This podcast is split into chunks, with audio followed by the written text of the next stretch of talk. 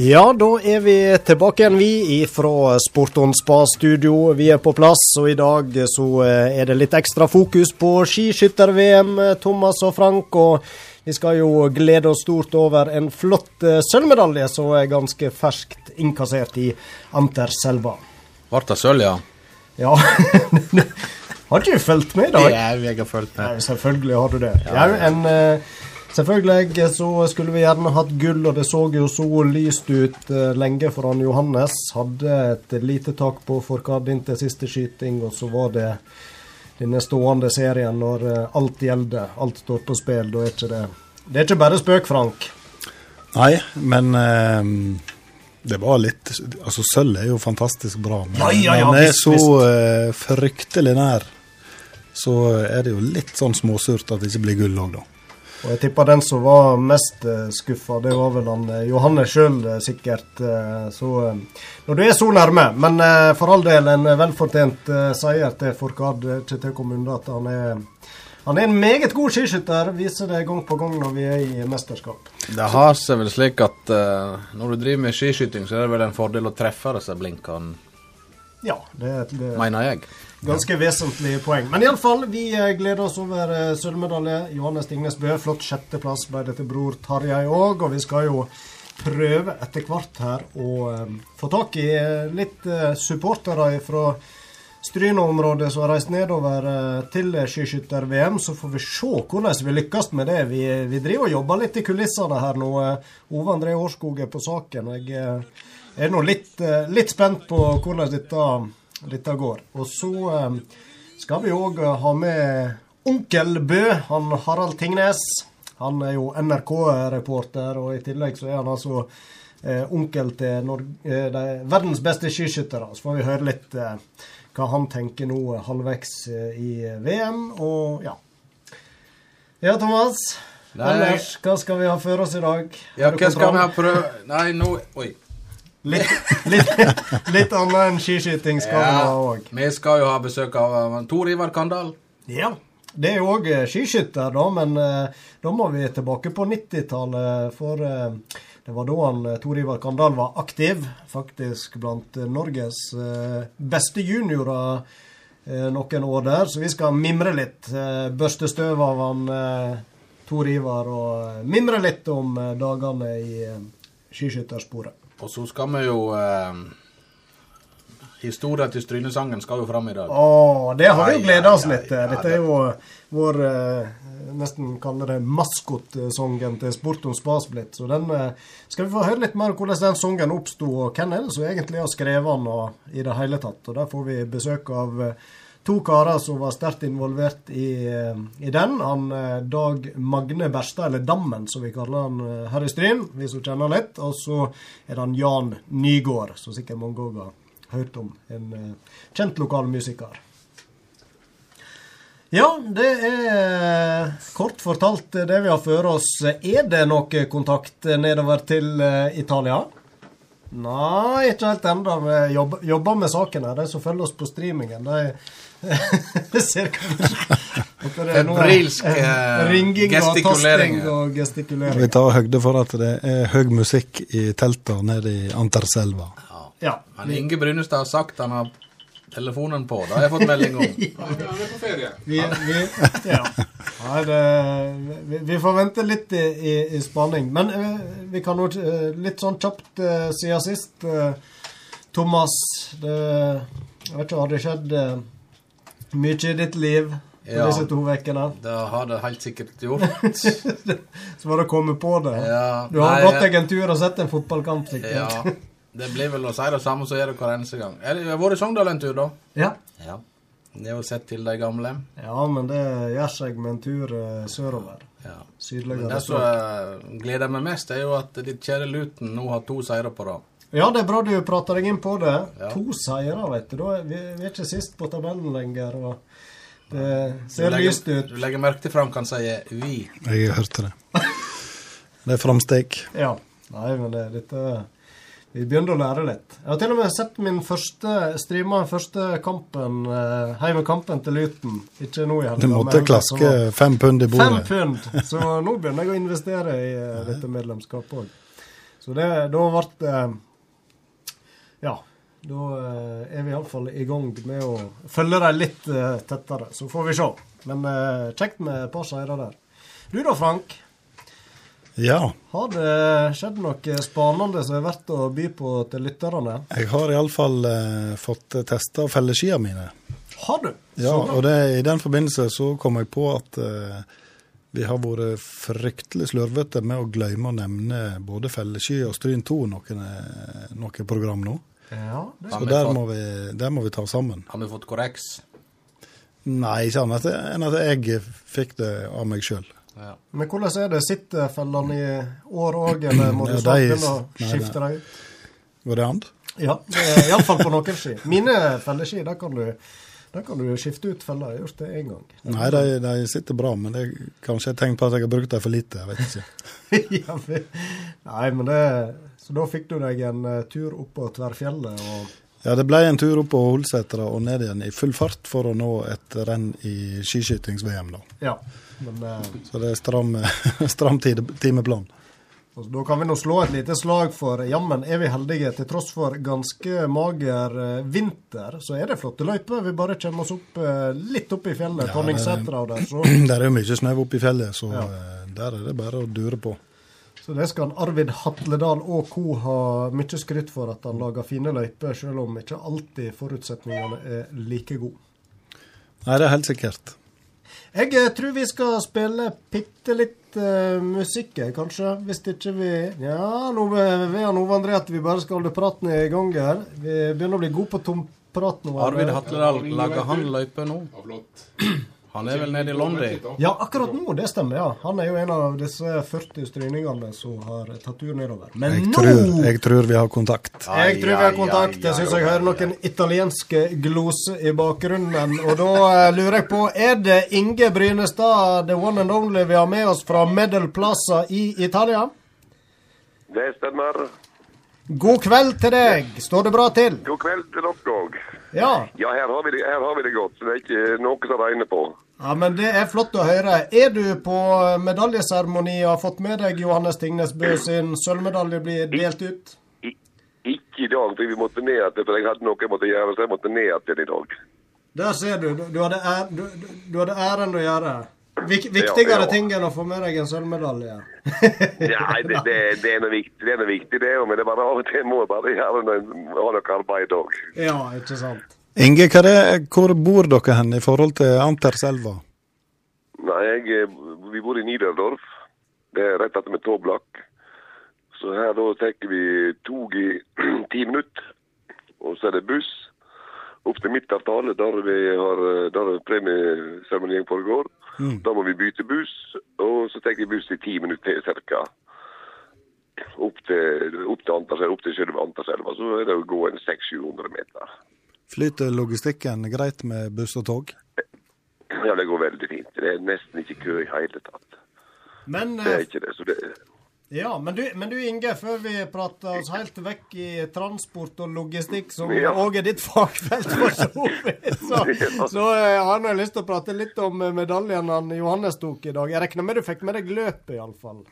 Ja da, i dag eh, Jeg har som regel vært inne på tribunen, men i dag gikk jeg ut i løypa. Jeg og fem andre gikk ut i løypa. Ja vel. Spente på deg skia, Ja. eller var det på føttene, eller? Nei, så, så galen er ikke jeg at jeg skal begynne å stå på ski.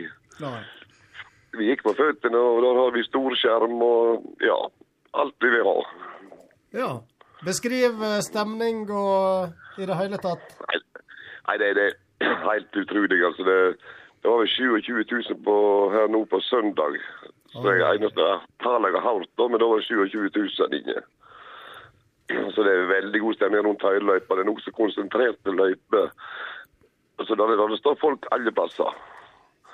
Og, på stadion er det veldig trygt, det er der.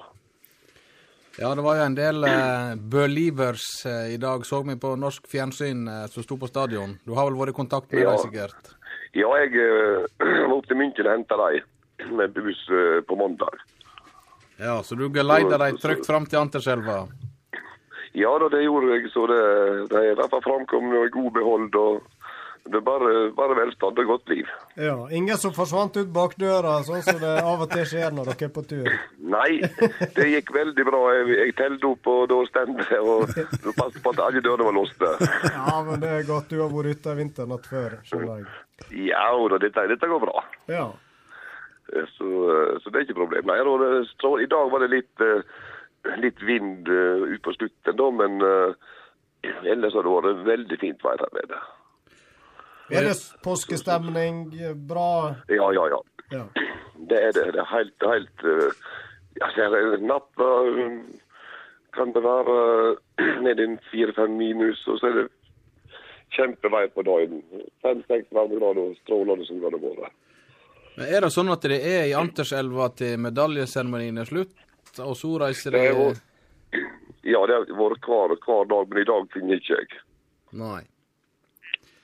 Så eh, det, de holder det gående oppe i Anterselva da, eh, stort sett? Ja da, det er Anterselva. Så er det et midtavtale, som sagt. En fem kilometer fra Anterselva. Og så eh, Da må vi ha hvile. vet. Vi er på høy, det er jo høyt over havet, så må vi jo ha hvile òg, veit du. Så Ja, ja, ja. aktiviserer oss litt. Rand.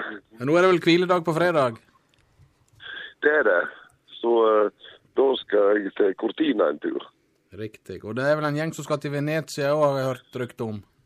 Ja, jeg, det var litt oppe. Jeg er ikke helt sikker på hva det blir. Men det er noe å snakke om det. det er det. Ja. Hva du syns det. hva, Ja, hva du syns da, Inge, så langt i VM? Hvis vi tenker resultater, er du fornøyd med den lokale sin innsats? Ja, ja, altså. Det er jo gull vi venter på, da, men eh, altså, sølv i VM det er noe kjempeflott. Det er to sølv, og der har du fått gull òg på miksstafetten. Og Terje har vært litt sånn, ja, stong ut hele tida. Han har vel en fjerde og to sjetteplasser. Ja. Nei, fjerde, ja, fjerde og fem, ja. Så uh, Og i dag Det- det så var det vel ja, var vel én bom mindre, så hadde han plutselig kjempa om bronsen i dag igjen òg. Så han er Ja, ja, det hadde, det, hadde han gjort. Så det, og uh, Johannes òg, det var ja, det var en klar bom da det han hadde, så det var greit nok, det. Og så hadde han noen stong inn på noen, så det, det jamna seg ut. Ja. Og så Det hadde, men eh, når, når vi ser eh, disse, eh, disse bildene fra stadion, det er voldsomme tribuneanlegg de har der. Det må være noen meter Ja, ja. fra øver, øverste eh, publikumsrekka og ned. ja, der jeg tipper der er 50, 60, 60 meter i hvert fall. Oi, oi, oi. Du skal ikke ha høydeskrekk når du sitter bak ah, Dere er Nei, ikke så da- høyt oppe, dere, regner jeg med? Nei, jeg går og frakter litt rundt alle plasser. Han inngang går inn i målområdet, han. Ja. Ja da, jeg har vært der. Og jeg har også vært helt borte med skjeven. og Jeg flytter litt på meg. Jeg er så heldig at jeg kan gå der jeg vil. Det er sånn Libro. Ja. Ja, ja, ja. ja, ja. Si si det på den måten. ja nei, men Det høres jo perfekt ut å Så- kunne bevege seg Har du skaffa deg plass eh, i morgen på stadion? Ja da, jeg, eh, jeg blir på stadion sikkert i mål, målområdet til morgen. Ja. Det høres bra ut. Det blir jeg, så det så nei, da, så i dag fant vi ut at vi bare var ute i løypa en tur, og så gikk vi Så fikk vi se løperne både opp og ned over. Hvis jeg følger med, så sto vi jo rett oppover da siste minutter vi tar inn til mål. Er det mye folk som står ute i løypa, eller? Ja, ja. Ja. Det er det. På søndag det er ikke bare en liten tur opp og sånn før jeg får opp på tribunen. Og det, det var tjåka fullt, altså. Det, det var det. Og der, eh, som sagt, over 27 000 i hvert fall registrerte billetter det her, og da sa spikeren. Ja. Og likevel så klarer du å finne igjen litt kjentfolk innimellom disse gamle. Ja, ja, det, det, Ja. det treffer en hele tida. Noen av dem er jeg vet på 30 fra Stryn, kan du si. Og, og så er det så mye folk jeg kjenner igjen fra før, fra andre turer. Men det er ingen når eh, medaljeseremonien er over, eh, har dere noe å, å putle med resten av kvelden? Oi, ja, det, det er ikke noe problem. For da eh, er vi som regel nede til Nidadorf, og så sitter vi da nede og snakker litt og prater litt. og ja, for å si rett ut, tenker seg øl eller to. Og så er det opp på hotellet. Så er det som regel bra tidlig i seng, da. Ja, det er rart med det. Godt øl er det overalt. Ja, ja, ja, ja. ja. Nei, det er ikke smak. Han kan steike det godt, så det er ikke problemet. Har gode bryggerier nede òg. Veldig trivelig å høre fra deg, Inge. Og da skjønner vi at dere koser dere, og alt står bra til. og Både på og utenfor arenaen, hadde jeg nær sagt. Så eh, da må, Ja, dere, ja, ja. må dere bare ha et fint eh, opphold videre og heie det dere makter. Og så satser vi på at denne gullmedaljen eh, individuelt kommer etter hvert. Ja da. Det, det, det satser vi på på søndag. Det, det er ikke noe mer å lure på det. Nei, nei, nei. Nei, men veldig bra. Da får du ha en fin kveld videre, Ja Inge. da. Dere òg som snakkes litt. Det gjør vi. Ha det Ha det godt. Hei, hei. Ha det. Ha det. Hei. Det var Inge Brynestad, det. Direkte fra Ja, det var ikke Anterselva, men det var like i nærheten der de bor på hotellet. Så da vet vi at de Det står vel til med mannen fra Olden. Vi må bare huske at vi må taste fire når vi ringer til han. Etter, etter melding. OK. Nei, men da eh, har vi lært noe nytt der òg. Da eh, skal vi spandere sponsoren eh, Eller spandere sponsor, vi skal spandere litt tid iallfall på sponsoren vår, Bunnpris Olden. Liverpool har kanskje nå hatt en liten topp, men de hadde vært lite uten Superdeutscher Klopp. Han er kommet for å bli, og lage gull og gråstein krever et skikkelig geni. Sann. Kjøpmann André Oppheim og Bumpris Olden er stolt sponsor av Sport om spas i sesong to. Å ja! Jeg hører på Radio Stryne. Lokalsportrunden. En runde for deg som liker lokalsport. Ja, da eh, skal vi ta en eh, kjapp liten runde på eh, noe av det som foregikk seg i helga. Og det blir nå mye skiskyting i denne sendinga, Thomas. Og naturlig å starte da med junior-NM, kanskje. Ja, junior-NM eh, hadde mm, renn på Dombås fredag. Normaldistanse. Og da var det to fra Stryn videregående som eh, gikk rett til topps. Eh, Fantastisk. Ja, det er det virkelig. Emil Hagestreitlien, som eh, vi har tatt til vårt bryst her i Stryn. Han er jo fra Folldal. Han vant jo eh, gutter eh, 18-klassen. Og eh, Maren Hjelmeset Kirkeide, hun gikk til topps i, i jenter 17. Ja. Dette er jo eh, løpere selvfølgelig som vi har sett gjort det veldig bra tidligere òg, og at hun Maren Hjelmeset lykkes eh, Hun har vel ikke vært på toppen i Norgescupen i år, så vidt jeg husker, så det var første topplasseringa i år, denne sesongen. Ja, hun var litt overraska over at hun gikk helt til topps, og det var for så vidt han Emil òg, men eh, som sagt i stad, når en treffer blinkene, da har en tendens til å komme høyt på resultatlisten. Ja, og dette var normaldistanse, og da teller jo skytinga litt ekstra. Ja, da er én bom 45 sekunder i aldersbestemt. Ja.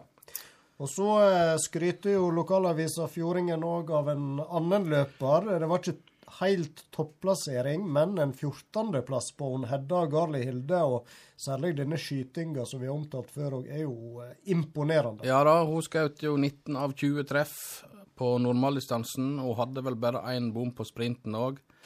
Og uh, hun har jo vist tidligere òg at uh, hun kan uh, hun kan treffe blinka. Ja, og 14.-plass er jo kjempebra, og jeg lurer meg på om det kanskje er en av hennes beste plasseringer òg.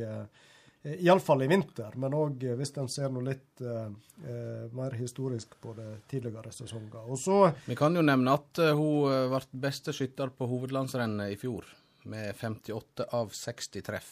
Jøss. Så eh, Det er en god statistikk å ha med seg. Så, meget bra. ja. Eller så var det jo Norgescup, vanlig Norgescup på lørdag.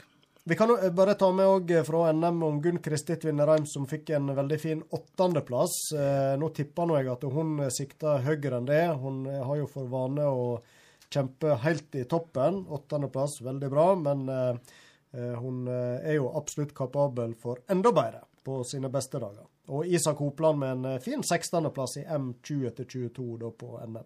Ja. Flott du nevner det, Roy. Lørdag så var det da Norgescup. Og da fikk vi et par mann på pallen i gutter um, 18. Oskar Guddal Breivik har vært litt utafor pallen siste, men uh, han klinka til med en andreplass. Ja, det var veldig kjekt å se at han eh, nå er tilbake igjen helt i toppen. Så du sier han har hatt litt sånn eh, stang ut de siste sesongene, kanskje. Litt skader og litt sånn forskjellig, men nå eh, Ja. var det nesten full klaff her. Vi veit jo at han går raskt til sporet, og med bare én bom så eh, var det rett opp på andreplass. Ja, og der var jo flere fra Stryn videregående fra Vik IL, men som da går på landslinja i Stryn. Han eh, Jens Henrik Hegg som tok tredjeplass. Så det var jo kjempemessig fra Stryn landslinja. Ellers nevner vi han Erlend Bakken, helt oppe på niendeplass i klasse M20 22. Og han skjøt eh, feilfritt, mener jeg jeg så. Det er riktig. Ja. Simon Hjelmeset Kirkeide 18.-plass. Isak Hopland nok en eh, plassering eh, høyt oppe, nummer 20. Og Gunn Kristi Tvinnereim, fjerdeplass på Ja. sprinten. Det er vel sprint to eh, som er hennes distanse, har hun vel sagt. Og der fikk hun Maren, nevnte du det, Hjelmeset Kirkeide. Hun fikk en fin fjerdeplass da på sprintdistansen. Riktig. Ja. Så det var nok en gang eh, markerte seg helt i toppsjikt, eh, flere av disse løperne fra våre lokale klubber. Og så kan vi òg nevne da at eh, NM skal fortsette da om eh, drøye to uker. Da er det sprint, øvelse, fellesstart og stafett som går av stabelen. Jeg er litt usikker på hvor det NM blir arrangert, men det er iallfall om to og en halv uke. Jeg veit det, Roy Aron. Ja. Det er i Emil Hage Streitliens Leikegrind. Oi! Det er hjemme i Folldal. Åh, ja, men da tenker jeg han eh, slår til med nye topplasseringer på hjemmebane. Det vil jeg tro. Så er det veldig kjekt å kunne melde om eh, kombinert. Det er jo ikke akkurat en øvelse vi altfor ofte prater om eh, her, iallfall. Nei, og der hadde vi han eh, Torje Seljeseth. Han gikk eh, rett inn til tredjeplass på Knyken lørdag. Knyken, ja. Det er like ut forbi Trondheim. Ja. Han ble nummer tre, bare en østerriker og en tysker. Ja. Fisk Youth Club kombinert. Og da hopper de i en eh, K75-metersbakke, og så går de 4,5 km langrenn. Så det var flott innsats. Og så ble det vel òg en eh, femteplass eh, dagen etterpå, på søndagen. Riktig.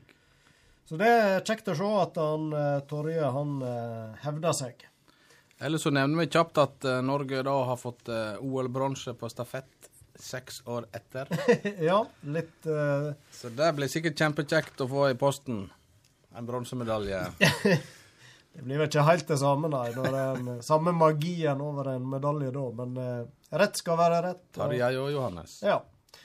Så det var i Sotsji de eh, egentlig da skulle hatt den, hvis eh, ting hadde gått etter boka. Men eh, nå får de den iallfall på etterskudd pga. Eh, doping. Eh, ja. Eh, avsløring av et dom.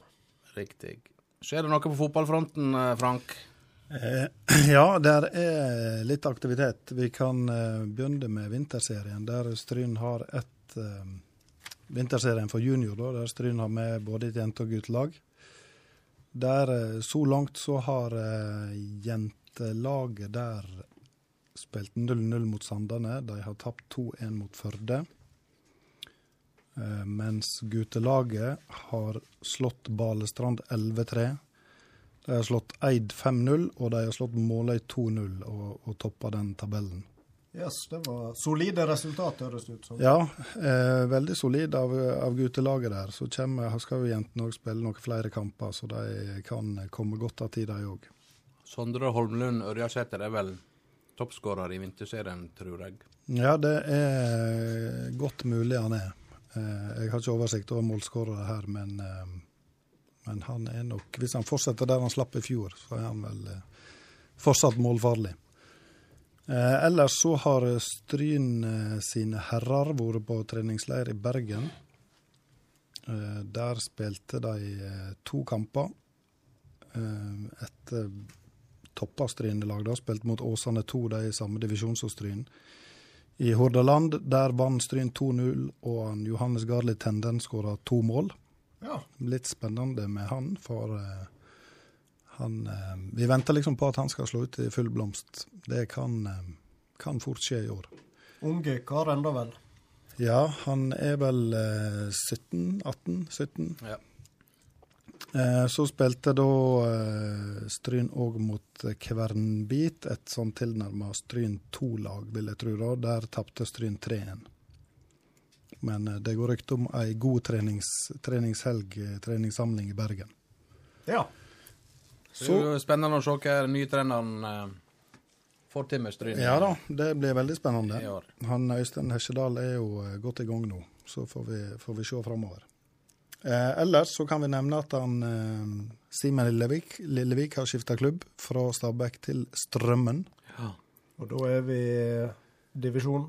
Jeg, eh, De er vel i Obos, er ikke det det? Thomas Taule. Obis. Nei, Obis. Obis. Obos-ligaen. Ja, ja. Tilsvarer engelsk championship. eh, ja, og der er vi jo godt bevandra, så da er vi på nest øverste Ja. nivå. det er helt Ja, rett. ja, ja. Så får Simen vi- han eh, i år tror jeg han får spille mye. Ja, det skulle til å si at når, når han går til Strømmen, eh, så tror jeg han har et nivå som må tilsi at han blir førstekeeper der. Ja. Jeg kan ikke forstå noe annet. Det hadde vært kjekt for han, og vel fortjent. En meget god keeper som eh, kanskje har venta litt lenge nå på å få eh, etablere seg i en klubb. Det har blitt litt sånn Ja, han eh, har jo vært benken og Innom både Stryn og Førde og Så reiste han vel til Stabekk og ble lånt ut til Kongsvinger, så det har vært litt sånn fram og tilbake nå i det siste, da. Men han hadde jo et par fantastiske kamper for Stabæk i fjor. Så eh, det er jo mye som tyder på at han har nivået inne. Så det blir spennende. En spennende sesong for han. Han må vi ringe opp senere i sesongen. Det, Det skal må vi vi. gjøre. En eh, gammel kjenning, han Mats Solheim, han er òg i gang i HamKam-drakta. Nei, HamKam. Stabæk-drakta, sier de. De spilte mot HamKam og vant eh, 3-0 eh, nå i helga. Og ut fra det jeg fant ut, så spilte han høyreback i den kampen. Og han har jo fortsatt der han slapp i Hammarby når det gjelder sosiale medier. Ja, jeg så en video på en flyplass der han eh, transporterte seg sjøl fram som en åme på gulvet. Og det var noen passerende der som lurte på eh, hva han dreiv med. Litt eh, Apropos sosiale medier, Frank. Du hadde en, eh, et lite innspill der i dag. Ja, det har jeg. Før vi tar det, så kan jeg bare nevne at eh, han eh, Daniel Seland Karlsbakk, sønnen til han Eivind Karlsbakk, eh, begynte virkelig å markere seg på gutte 17-landslaget. Der skåra han eh, to, eh, to mål når de vant 4-0 nå sist over Georgia. Er det en ny Braut på gang på Bryne? Eh, Ja, det kan kanskje nesten ikke legge lista så høyt, men, men han er iallfall på gang. Han skåra på et straffespark, og så Det andre målet, der vinner han sjøl ballen rett over midtbanen, setter fart og dunker han i mål. Gjorde alt sjøl. Så han er på gang, og han må vi vel få lov å kalle stryning. Når faren er fra Stryn. Yep. Vi er ikke verre på det. Så var det sosiale medier. Eh, der har da vår eh, programleder eh, lagt ut bilder av oss, litt sånn ufrivillig kanskje, både på Facebook og på Instagram. Og så, Ja, kom, vi- og så kom han Thomas til meg nå før sending og var eh, meget uh, furten, fordi at jeg hadde fått mer likes på mitt bilde enn han hadde fått på Facebook. Det var, no Ja. det var knockout. Men Thomas, hva var det du fant ut etterpå? Ja, det var vel du som fant det ut, da. Og det var jo det at på Instagram, der hadde du mer likes enn meg. Eh, Så vi konkluderte med at den yngre garde som holder seg mest på Instagram, de liker deg best, mens de godt modne, de liker kanskje meg litt bedre enn deg.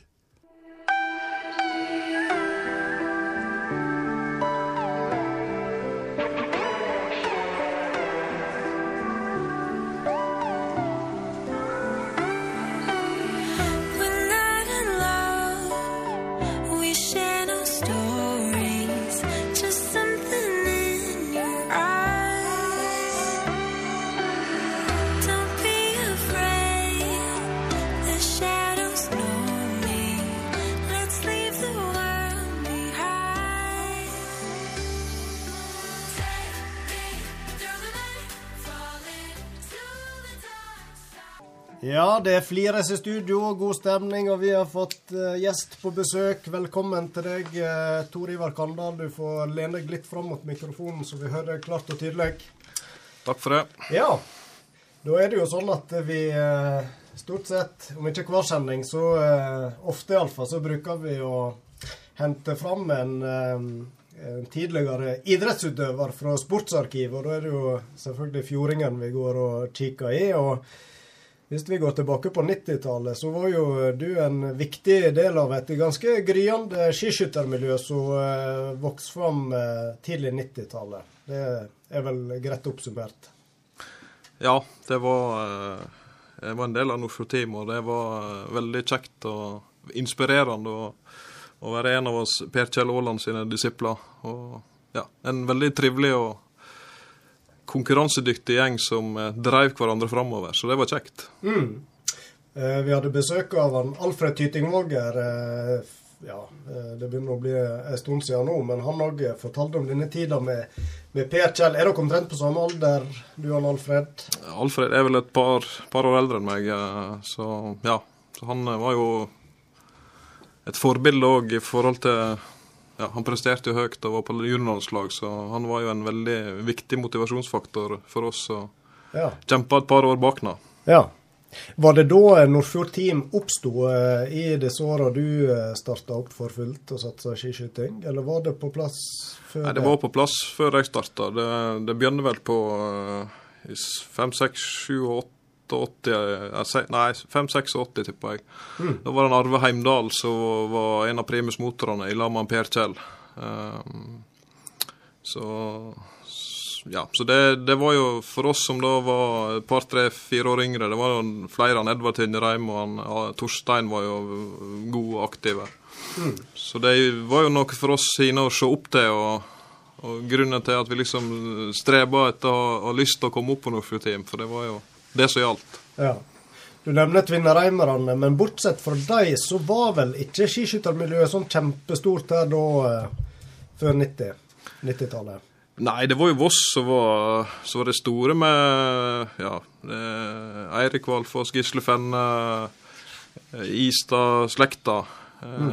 Odd Lierhus. Um, så de var jo veldig De var jo kjente og var på riksmedia. Og, så, så på den tid så var det jo Voss som var den eh, store ja, på landsdekkende Ja, nå er det jo flere destinasjoner, men da var det jo Voss som liksom var det, det store. Hvordan begynte det for din del, da? Husker du hvordan du Det var akkurat skiskytinga som eh, fascinerte og tiltrekte deg? Nei, jeg var jo veldig aktiv. eh, Drev med orientering, fotball. eh, Jeg gikk eh, kupprenn på oppe i Kyrkje- Kyrkjeid og nede med skolen og ja. eh, Og hadde vel ikke det helt store balltalentet, da. Så, eh, så fotball var jo stort på den tida òg. Og jeg var jo et kull med relativt mange gode fotballspillere. Eh, Men balltalentet mitt var vel relativt fraværende. Så, så etter hvert så var det jo Men jeg, jeg gjorde jo ikke noe spesielt godt på sånn kupprenn heller. på øh, Så det, det var noe som bygde seg opp etter hvert, da. Eh, og så var det kupprenn etter hvert på Ulsheim, og ja, hadde en far som var ja, aldri pusha meg i noe sånt. Det var Han drog, drog meg med ut, og vi gikk, og etter hvert så balla det på seg. Eh, du begynner å prestere, og du begynner å få målsetninger, og så ja, ble det mer og mer ut av det. Mer og mer aktivitet. og Hvem var det som var dine hardeste konkurrenter sånn lokalt sett?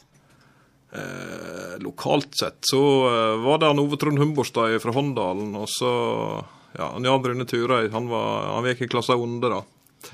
Eh, så da Vi var inndelt i to og to årskull, så vi konkurrerte annethvert år. Ja, det var det lokale. Så ja.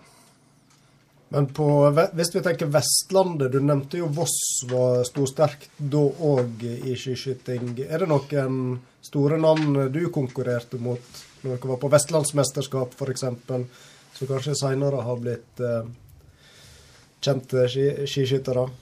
Eh, ja, jeg gikk jo sammen med Egil Gjelland.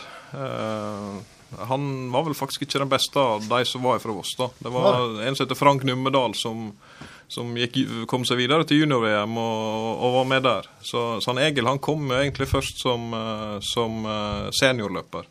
Ja, Men han var jo god, det var han jo absolutt som junior òg, men, eh, men eh, han kunne vi jo konkurrere med som junior. ja. Så du har slått han egentlig en land i, yngre, i sine yngre dager? Ja, det har jeg gjort. Ja. Så ja. Ikke alle som kan skryte av det. Nei, Det, du, du, du, tenk, du tenker jo ikke sånn på det når du, når du er aktiv, ikke sant? Du veit jo ikke hvor det blir, nei, etter hvert. Nei, men du, du, holder jo på med det først og fremst fordi det er kjekt, ikke sant? Og så, og så ja, som du sa i stad, det baller litt på seg etter hvert, så du begynner å prestere, da. Så ja, du, te- du tenker jo ikke de baner som junior, liksom, så- iallfall ikke så mye yngre junior, at, eh, at eh, ja, sånn som Egil, da, som har blitt nå landslagstrener og var på landslaget i, i veldig mange år. Ja. Du, det, det er jo en sånn drøm langt oppe at du kan hende at du kan nå dit, men eh, når du ser i etterkant, så ja. Men, men hadde du aldri en sånn Kan du huske om du var ambisiøs? Eller kom det litt etter hvert? Eh, Vi kan komme litt inn på resultatene dine òg, men eh, kan du huske om du gikk inn i det først og fremst for å ha noe å slå i hjel tida med, eller var det ambisjoner? Eh, Nei, først og fremst så var ikke det ambisjoner. Det var først og fremst fordi det var kjekt å drive med idrett. da. Det var det helt fra bunnen av. Eh, Som sagt, som, som yngre så var ikke jeg noe spesielt god. Så, så det var for min del kjekt å, å være aktiv, da. Men etter hvert så tenkte du jo selvfølgelig tanker og hadde drømmer og hadde lyst f.eks. å, å komme til på juniorlandslag eller et junior-VM eller Ja. Det, det er ikke det tvil om. Når var du merka at du eh, kunne hevde deg litt? Når begynte resultatet å melde seg? Mm, Nei, første resultat jeg husker, og nå, jeg er jo god for Google, så, så jeg, det, Kan bare lyge så mye du vil. ja. Nei, men det er jo et eh, problem, ikke sant? Av og til så har du lyst til å mimre litt selv og mm. finne noen resultatlister sant? men det er jo ikke digitalisert det som en eh, drev på med. Så, så den første resultatet jeg husker, det var en andreplass i Vestlandsmesterskap i 87. Da fikk jeg en andreplass. Hvor gammel var du da? Da var jeg 14, blir ikke det det? 73 pluss 87, nå må ikke vi tabbe oss ut der, men eh, 14. Sterk, sterk i matte. så, ja. Men da, dette er ikke fristil, da, eller? Eh, ja, jeg var jo han Eirik Kvalfoss og Gisle Fenne og den gjengen der gikk jo klassisk. Eh, men jeg kom jo inn eh, akkurat i brytningstida, så jeg gikk jo eh, Ja, når jeg gikk i Vik i Sogn, så gikk jeg vel på, på eh, det jeg ville definert i dag som klassisk ski. Ja. Eh, med eh, sko og alt som, som få av oss hadde gidda å skøyte oss en tur på. Ja. Altså enfotsskøyting, da? Nei, det var nok Vi var nok kommet lenger enn Ja. det, men det var mer utstyr som fortsatt hang igjen som, som Ja, det var ikke begynt å utvikle skikkelig klasse. Spesialsko og sånn. Nei, det var sånn brytningstid. Ja. Det var det. Så vi hadde nok eh, lange nok staver i forhold til Og teknikken var vel sånn som det skulle være. Det var ikke den der Thomas Vassberg som du så med på TV-en. Jeg var, var forresten på TV-en i går, så etter, eller foregårs. så satt jeg og så på han og reiva i denne smurninga Ja. og drev med enbeinsskøytinga. Så det var ikke det vi dreiv på med. Det var, det var ja, skøyting. Men med litt mer primitivt utstyr enn det som eh, er kommet nå, da.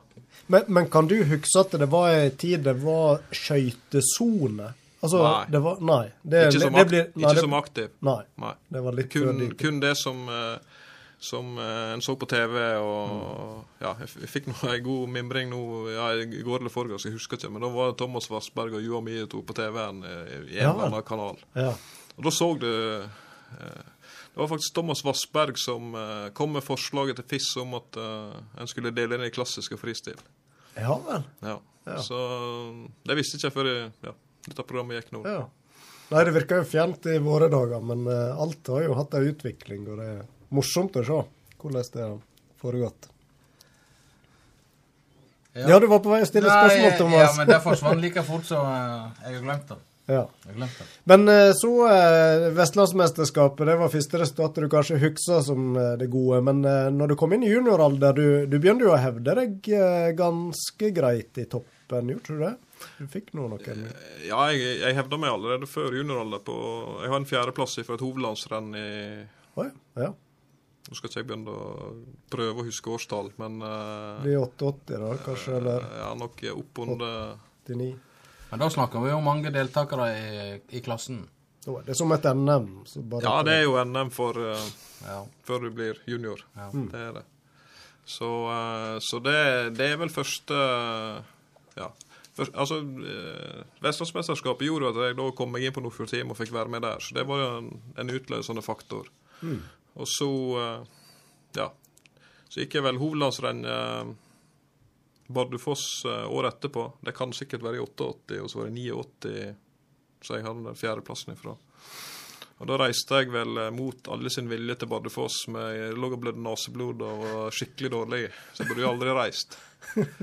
Så, men da tror jeg vi fikk med oss en uh, tredjeplass fra stafettene i hovedlandsrennet i Bardufoss. Hvis jeg ikke husker helt feil. Da var Roy Cato Hopland og Henning Vedvik uten Stårheim. Ja vel. Så det tror jeg var første medaljen på et hovedlandsrenn i stafett for Sogn og Fjordane. Yes. Et lite stykke historie i Bardufoss. Ja. Ja. Så, ja. Og så videre, da, i junioralder. Nei, og så eh, Ja, det var eh, Som førsteårs junior så hadde jeg en bronsemedalje fra, fra junior-NM. som skulle gå på Fettsund, men ble flytta til Lygna Mm. pga. snømangel. Da òg, så det er ikke bare i våre dager. nei. Så, så det er ikke bare nå det, det er dårlige forhold. Men vi bodde på Lillestrøm og kjørte buss opp til, til Lygna. Ja. Så det var jo eh, strabasiøst nok. Det er jo sikkert ti mil. men, ja. men det var så dårlige snøforhold på de tider òg, faktisk. Så, så da hadde jeg en tredjeplass og en eh, åttendeplass, tror jeg det var, fra, fra junior-NM der. Mm. Var du en, eh, var du en god skytter?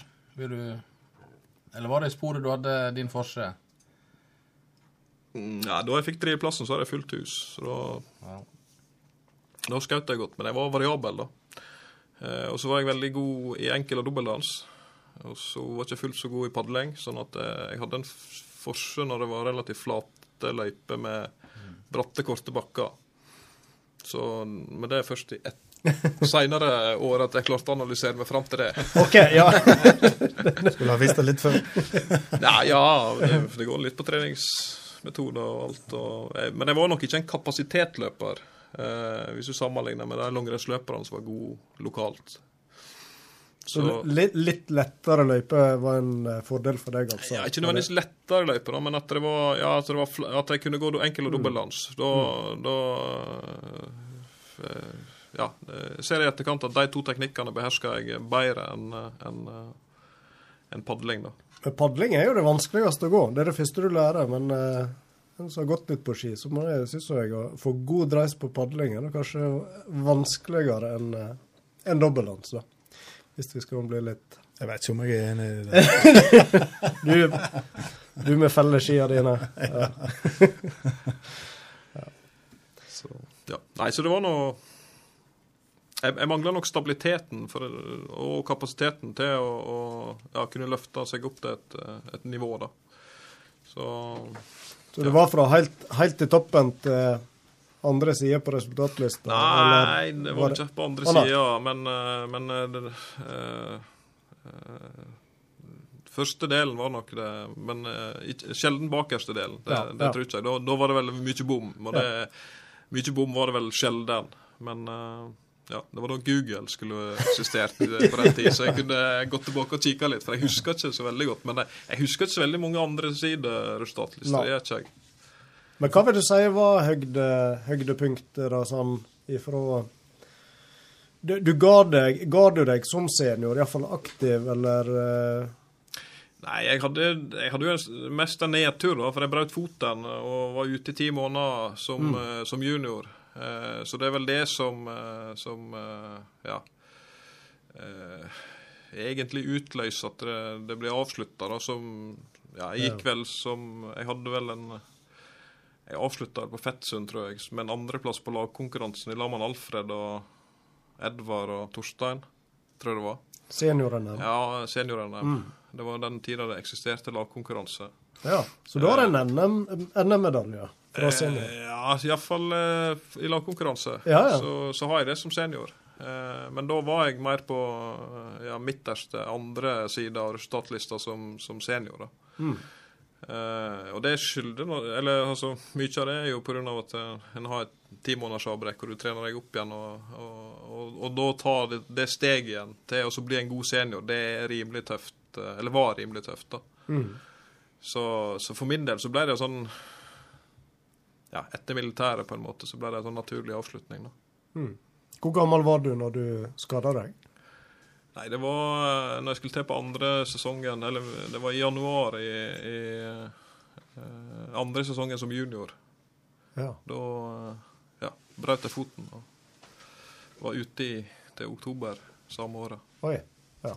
Men før, før eh, beinbruddet så var jo du i nærheten av norgestoppen som junior. Var du i, eh, aktuell for noe juniorlandslag eh, på den tida? Nei, jeg var nok eh, Det var nok lå hakk Eller jeg mistet jo den sesongen. Altså, du blir jo ikke juniorlandsløper før, før du er eldre junior. Tror ikke jeg, sånn som det var. Så, så jeg, jeg mangla jo den sesongen før du skulle bli eh, eh, eldre junior. Og da, jeg starta jo den sesongen med en fjerdeplass på et norgescuprenn på i Gudbrandsdalen. Og så skulle vi noe eh, ja, vek seinere på et norgescuprenn i Brumunddal. Så var jeg på kino. Die Hard. Jeg tror det var én. Så da brøt jeg foten, og da Ja. Så det kosta meg et års eh, Eller en sesong, da. Som, Ja. eh, som gjør at eh, juniorlandslaget ble en fjern drøm. Men men hvordan opple kan du huske hvordan du opplevde det veldig bittert og når du var såpass på gang? og Da hadde du kanskje begynt å få litt mer ambisjoner òg? Nei, bitterhet har jeg vel aldri egentlig følt på, da. Eh, mer sånn rastløshet til å begynne å trene igjen, da. Så, så det var aldri noe bitterhet inne i bildet, da. Eh, men mer irritasjon over at det kan han doktoren sier at eh, jeg er klar gjennom eh, en måned eller to. Ja. Så, så det var mer ei utålmodighet etter å så begynne å trene igjen, da. For det var aldri noe tema å så. Det var ikke det.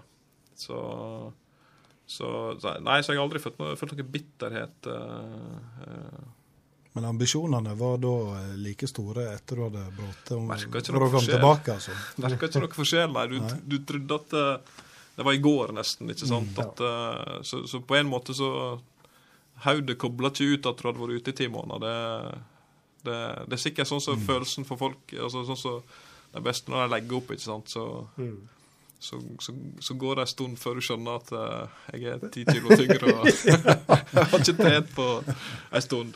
Så, så nei, eh, det var mer rastløshet etter å, å få av gipsen og, og komme seg i gang igjen. Jeg gikk og, og tog på da. Det var det. Men eh, skytinga, da? Du ble ikke, fikk trent den ekstra mye? Det er vanskelig å ligge og skyte og stå og skyte med en gips. Ja. ja. Så eh, du Aldri prøvd det, men det jeg ser Nei, den. det, jeg prøvde. Eh, Det gjorde jeg. Eh, Men eh, det ble med å prøve, for du, du får ikke rett til liggestilling. Du, Ja. Jeg hadde gips helt oppi i skrittet. da, Så, Oi sånn. Ja. så eh, det, det, det funka dårlig. Ja, Det gjorde det. Så, så fikk jeg nå etter hvert en eh, sånn eh, tilpassa sånn spesialgips som jeg kunne ta av og Eller sånn støypt greier som jeg kunne ta av og på litt. da. Mm. Eh, men eh, da var du så tett oppunder at du var ferdig med. At det ja. Så det var lite trening i ti måneder. Ja. Det var det. Men når du kom tilbake, fikk du, fikk du noen OK plasseringer, eller ble det Da ble det litt tøft å hevde seg? Nei, det var det første året det gikk jo til å bygge seg opp igjen. Så Så da var det jo sånn plasseringer på 2030-tallet. Og så som sisteårsjunior så ble jeg jo norgesmester på stafett i lag med Jan Rune Turøy og Ove Trond Humborstad. Eh, Vidar Tistel fra Vik i Sogn. Og så fikk jeg en sjetteplass individuelt. Oi, Eh, ja, ja, det er nok- så jeg, jeg kom jo opp igjen på et, et visst nivå. Det gjorde jeg. Ja, absolutt. Så ja. Hadde du en uh, favorittdisiplin? Eller det var kanskje ikke så mange Jeg er før Google, men jeg er òg for, for jaktstart Ja. og fellesstart. Eh, og det irriterer meg, det er det som irriterer Ja. meg mest i dag. Eh, at ikke at det var fellesstart og jaktstart. Det, for jeg, jeg, eh, eh, jeg likte meg best i mann-til-mann-situasjoner. Ja. jeg har veldig mye bra stafettresultat og, og ja. Så du takler disse duellene på standplass, og når du kommer inn likt og skal? Ja, sånn ubevisst. Altså når, når, når jeg òg gjør ei evaluering i etterkant, så, så de mann til mann, eh, det, da koser jeg meg. Av en eller annen grunn. Jeg klarer ikke å sette finger på hvorfor, men, eh, men stafett, eh, det har alltid gått bra. Ja. Eh, Så jevnt over alle stafettene jeg har gått, har det egentlig ja, gått, gått veldig bra. Og da var det, det var sprint, og det var normaldistanse og stafett. Ja. Og lagkonkurranse. Lagkonkurranse var noen få år, men det var ikke noe sånn kjempehit. da. Det var Den der lagkonkurransen, den, den husker jeg altså ikke. Hvordan var det det arta seg? Nei, Da måtte du gå sammen med lagkompisene dine.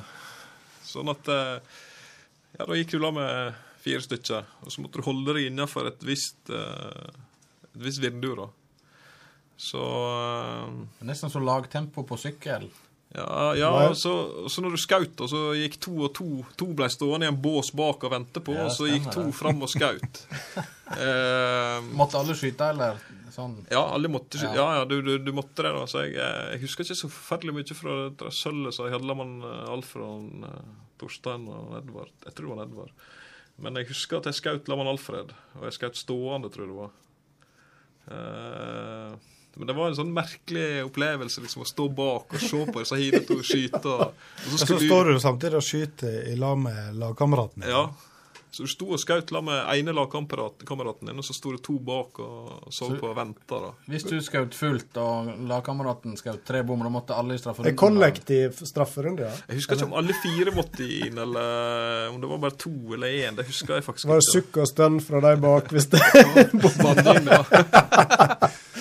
Dette her må vi finne ut av. Men det er vel kanskje ikke den øvelsen som dummest forsvant. Iallfall ikke til fordel for fellestest, som du sier. Det er for noe det. litt mer action. Nei, det, ja, men det, nei, det ble veldig kunstig, da. For at hvis du gikk la med en som var veldig god på ski, og så var du veldig dårlig sjøl, og så så ble det jo en som måtte pese på, og så hine som liksom driver på med det bak, ikke sant. Så, så det ble litt sånn eh, Rart på en måte. da. Selve skyteøvelsen var jo for så vidt fair enough og, og grei nok, men akkurat den gåinga var vel eh, kanskje det som var rarest på den øvelsen. da. Men da måtte alle fire gå i lag. Alle fire måtte, ja, så Når du passerte målstreken, så måtte du passere innen eh, jeg husker ikke, halvt minutt eller ti sekunder. eller Mellom første og sistemann. Ja. Det var en, en eller annen regel der òg. Men tok de tida på førstemann da? Sikkert sistemann. Sistemann over. Så det var ikke hjelpe å stikke fra foten som førstemann. Nei. Om å gjøre å ikke være weakest link, eh, egentlig. da. Nei, og så- og så I motsetning til stafett, der det er fellesstart, så tror jeg vi starta med sånn halvminutt eller minuttsintervall. Så du visste ikke eh, helt hvor det gikk heller før, du, før etterpå. da. Så Men dette må nå ha blitt slutt på tidlig på 90-tallet. for det, Var dette her olympisk rein på Lillehammer, f.eks.? Nei, jeg tror ikke det var Kanskje det har vært. Var det i mesterskap? Lagkonkurranse? Dette er jo militært inspirert. Det er vel for så vidt skiskytinga fra starten av andre øvelse òg, men Ja, ja. denne er noe mer sånn Uansett så har han jo en norsk eh, medalje i, Ja, ja, ja. i skiskyting. Ingen kan ta fra deg den. nei, det er en fordel, fordel med Google. Jeg, vet- vet jeg, jeg vet ikke hva det er. Det ligger en kasse en plass. Så jeg, eh, det, det, Ja, Det er jo der eh, store idrettsfolk har medaljene sine. Det er en kasse på loftet eller et eller annet. Ja, jeg, jeg ser ikke på meg sjøl som en stor idrettsutøver heller, da, men, eh, men, eh, men eh, han ligger i kassa en plass. Men eh, Tor Ivar, hvis du skal nå dra fram et høydepunkt da, ifra det vi må nå kunne kalle idrettskarriere Du har jo eh, prestert mange gode renn, uh, iallfall fram til tidlig senioralder. og Er det noe som stikker seg ut sånn som et godt minne eller en god prestasjon? Nei, ja, jeg, synes jo Da vi ble norgesmester i, lag, eh, vi fire altså Det er jo et resultat av Det var jo tre løpere fra Norfjord Team, og, og selv om vi var konkurrenter, så, så eh, var det jo òg den lagfølelsen. Jeg tror aldri at jeg hadde vært der jeg hadde vært uten Nordfjord Team. da. Det, det tror ikke jeg. Uten, uten det miljøet. og Jeg tror nå derfor eh, Johannes og Tarjei er der i dag òg, at, eh, at eh, det har liksom vært jevnt påfyll. Eh, Så, så det norgesmesterskapet er nok det som henger høyest eh, ja, i lag med den bronsemedaljen individuelt. da. Så ja. Det er absolutt Hvis en skal prøve å se tilbake. Ja. Det er ikke så ofte en ser tilbake. Nei. Jeg husker jo det at vi hadde en del timer i lag med idrettsklassen, da, som du var en del av på videregående. Nå er jeg spent. Og, eh, All grunn. Da Nei, jeg vil bare skrive under på at eh, miljøet var godt, for det var en særdeles eh, munter gjeng og veldig trivelige timer. Ja, ja. ja jeg òg husker det omtrent sånn. Der var det mye artige varianter ute og gikk. Ja, det var god blanding. Ja, og der var jo du eh, av de første som gikk eh, idrettslinja i Stryn. Det var vel eh, pionerarbeid, det òg, på sett og vis. Ja, absolutt. Jeg, det, for min del så sto det jo mellom å begynne på NTG på Geilo og, og, og begynne i Stryn. Så det ble jo det heimekjære som vant, da. Eh, så ja. Så det var absolutt Vi hadde det utrolig artig på, på idrettslinja i Stryn. Mye rare og gode opplevelser som eh, dagens ungdom ikke får med seg, med bussturer opp i merkelige daler for å hente snø og finne snø. Og, Ja. så Nei, det var gode tider. Nå har vi mimra mye om eh, gode resultat og sånt, og så klarte jeg å være å dra fram et eh, annet minne som eh, er fra langrenns-NM. og eh, Nå husker jeg ikke helt årstallet vi skal tilbake på, men du ble jo litt sånn rikskjendis. Du tror jeg eh, andre halvdel av 90-tallet en gang. Ja, det er du og svigermor som husker det. Jeg like, Ja. Så jeg var på hele baksida i, i Aftenposten. ja. Eh, jeg var så heldig Grunnen til at jeg var med på det, det var at jeg fikk et lunsj med Bjørn Dæhlie på eh, Holmenkollen Park hotell. Å ja. ja. Så jeg, eh, jeg var spanderte en, eh, Jeg fikk en time, eller han fikk en time sammen med meg. Gjelder for det riktig. Ja. Så eh, Men nei, så- bakgrunnen var et NM i langrenn uh, der du var med og gikk iallfall 10 km. Og det var vel klassisk, kanskje ikke favorittdisiplinen. Jeg husker ikke helt foranledninga, om det var en eller annen som ble sjuk på Eller jeg husker ikke om det var senior, ja, det var seniorene. Det var det. Så husker ikke om det var en eller annen som ble sjuk, for jeg var jo ikke god nok til å ja, Jeg gikk jo aldri klassisk. og så eh, og Bjørn Dale lo jo bare av meg når jeg sa sa hva jeg hadde smurt med. eh, det, var typ, det var typisk nullføre, og jeg hadde jo ikke skiter eller noe som helst. Og så eh, Jeg smurte med noe som heter gul Lindex. Det, det sier ikke meg noe den dag i dag, og det, er jo ikke det da heller. det er ikke det da heller.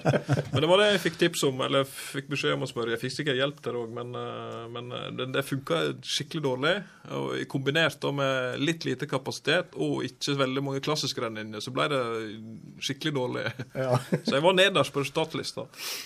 Og så ringte de fra Aftenposten, og så ville de eh, ha et intervju med oss der vi liksom prata om eh, forskjellen på det å være nederst og øverst. da. Og da fikk jeg et veldig hyggelig møte da med Han satt og åt mat. Han hadde aldri sett en idrettsutøver ete så mye mat, forresten. Oh, ja.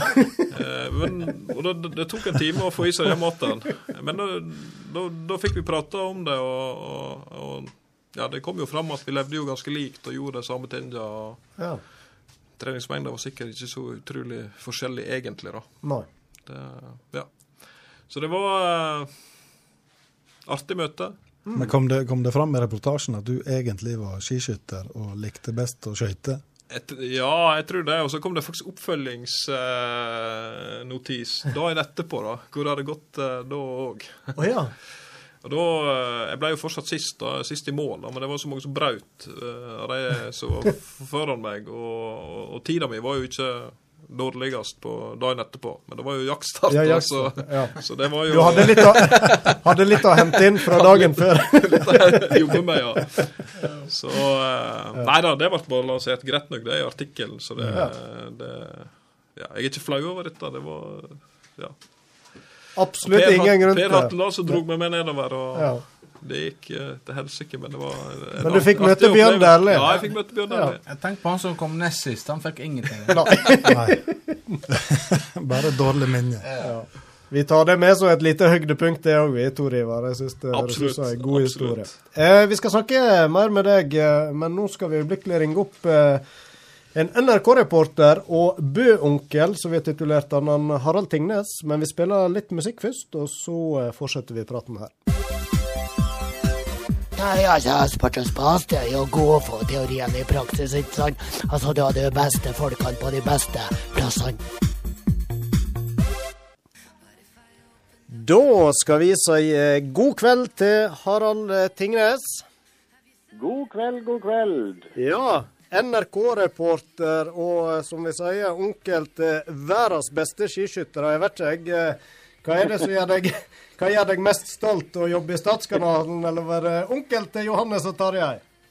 Nei, du, det er veldig enkelt svar på. Det er å være onkel til Johannes og Tarjei. For det har jeg merka gjennom et uh, langt liv i sportsjournalistikken. At når en har vært på en del VM og sånn, så får en jo litt sånn ja, si det litt stygt, litt sånn avstumpa forhold til idretten. da, at Hvis Norge tar en gullmedalje, så bare betyr det at jeg får enda, en- enda lengre dag å jobbe.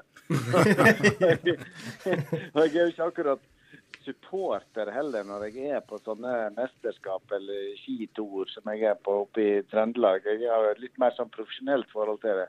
Men heldigvis er nå det sånn at når jeg sitter hjemme i stua mi og ser på eh, Johannes og, eh, og Terje, da er jeg som jeg var sportsinteressert da jeg var liten, pluss eh, mye. For da er jeg sånn, da står jeg oppe i sofaen og skriker og gjemmer meg bak puta og hopper opp og ned. Da blir jeg helt eller Hele familien blir egentlig sånn. Så da, eh, da er jeg veldig stolt og kry og lever meg eh, helt ekstremt inn i dette her og tenker at det er litt sånn eh, uvirkelig at de, de er der oppe år etter år. Ja. Og så, som du sier, du eh, er jo ikke i Italia. Du dekker denne langrennsturen som går i Sverige og Norge. Skulle du helst vært nede i Anterselva? Ja, jeg må si det var fantastisk i fjor. Da fikk jeg anledning. Da var jeg på vei til en, eh, en jobb i Falun. Så tok jeg meg en avstikker til Østersund og bare fikk være med familien og være sånn ekte supporter på tribunen. Det var utrolig artig, altså. Og så ser jeg nå bilder fra Anterselva, som er jo, med all respekt for Østersund, eh, på alle måter en mye større fest. Og det er sol, og det er flott. Så jeg eh, jeg skulle så veldig gjerne vært der, men nå ser jeg at det er andre fra slekta som representerer oss. Så får jeg heller eh, jobbe litt og så prøve å snike meg inn mellom jobben her og uh, høre litt på radio og se litt på og alt sånt. Det har, jeg, det har jeg klart i dag. Så i dag har jeg fått med meg det meste, selv om jeg måtte begynne med å høre normal distanse på radio. Ja, Noen avstikker fra Trøndelag til Anterselva, det er vel litt verre.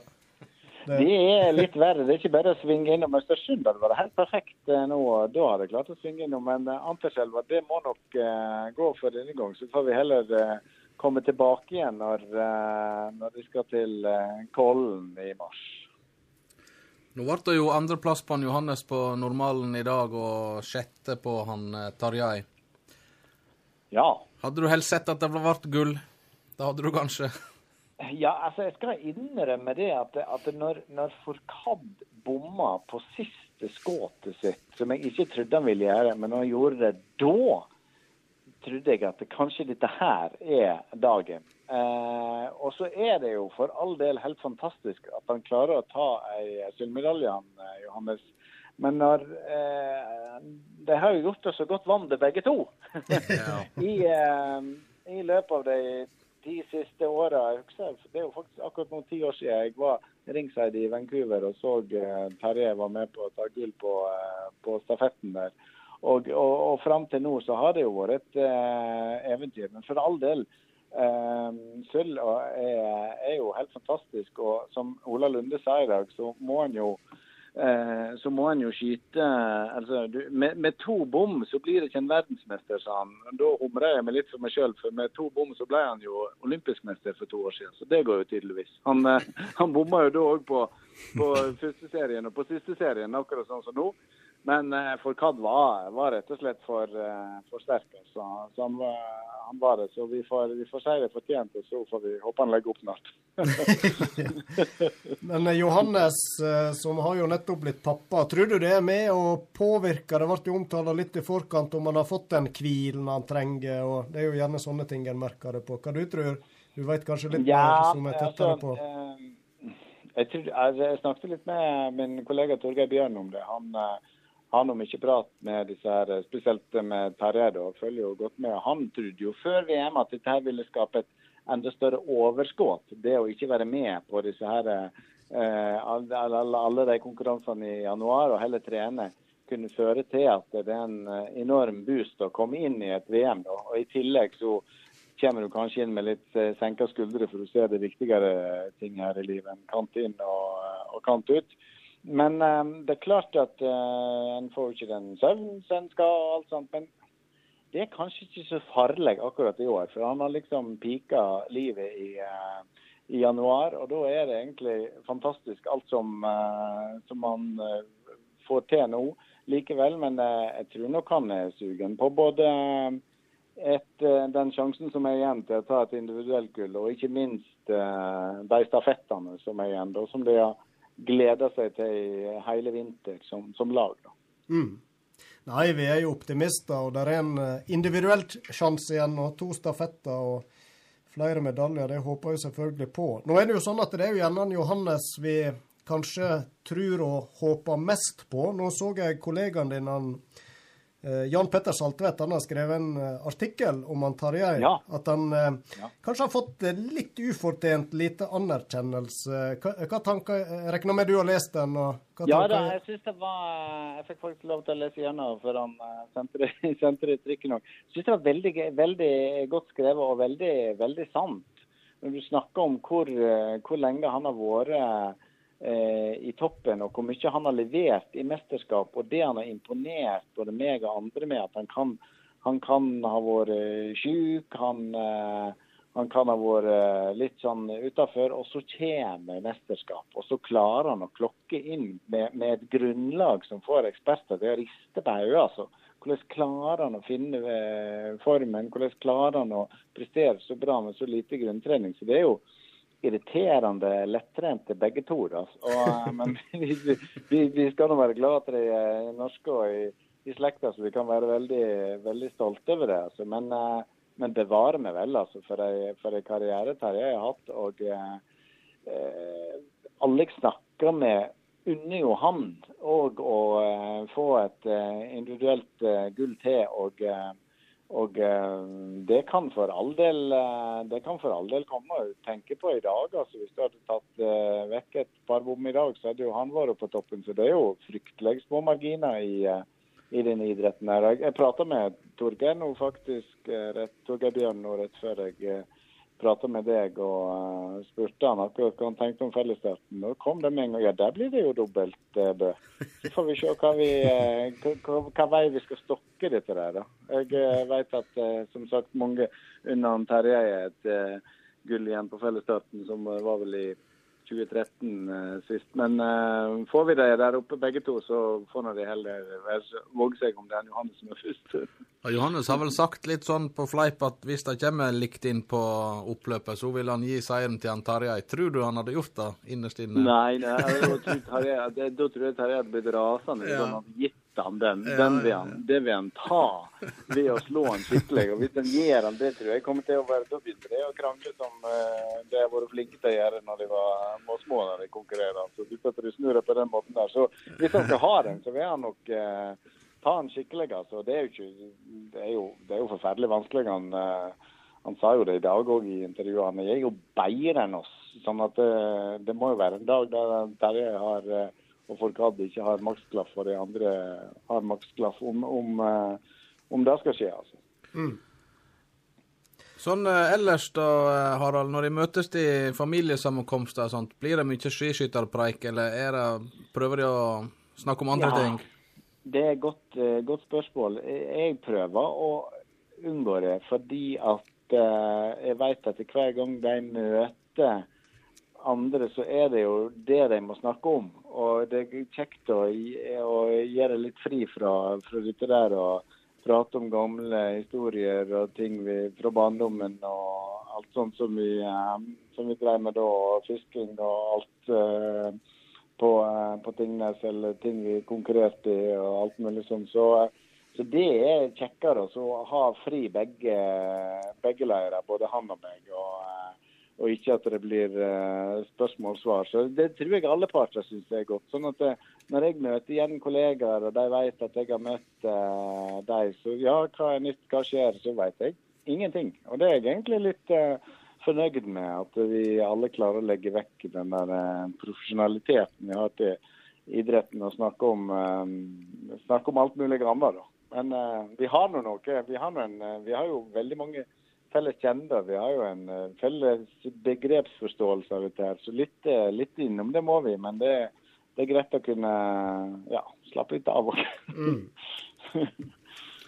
Når du tenker tilbake til den eh, Når du tenker tilbake til den eh, oppveksten og fra fisketurene og andre ting, tenkte du noen gang når de var små at de kom til å utvikle seg sånn som de har gjort? Nei, altså dette der eh, allsidigheten og konkurranseinstinktet og sånn, det var det nå aldri noe i veien med. Men, men sånn som Tarjei, han var jo egentlig ikke kvalifisert nok ved resultatet han hadde som aldersbestemt til å begynne på toppidrettsgymnas en gang på, eh, på Lillehammer. Så der var han jo på eh, type opptaksprøve som eh, der, han måtte, der han viste et sånt ekstremt vinnerinstinkt. Altså han eh, som ble treneren, eller læreren hans, da sa at eh, han, eh, han der, han skal inn, og han vil jeg trene. Altså, så så, eh, så det, var ikke, det var ikke gitt at han skulle det på bakgrunn av de prestasjonene han hadde i den alderen, men han hadde en enorm eh, dedikasjon og nøyaktighet i arbeidet sitt. Eh, og så var jo Johannes da kanskje i andre enden et, um, et, mer, et større naturtalent. Men han hadde jo fotball som han også var veldig god i, så det ble jo en sånn eh, avveining om hva han skulle satse på. Men jeg tror, eh, jeg tror, de, gjorde, jeg tror de gjorde rett valg begge to, for å si det sånn.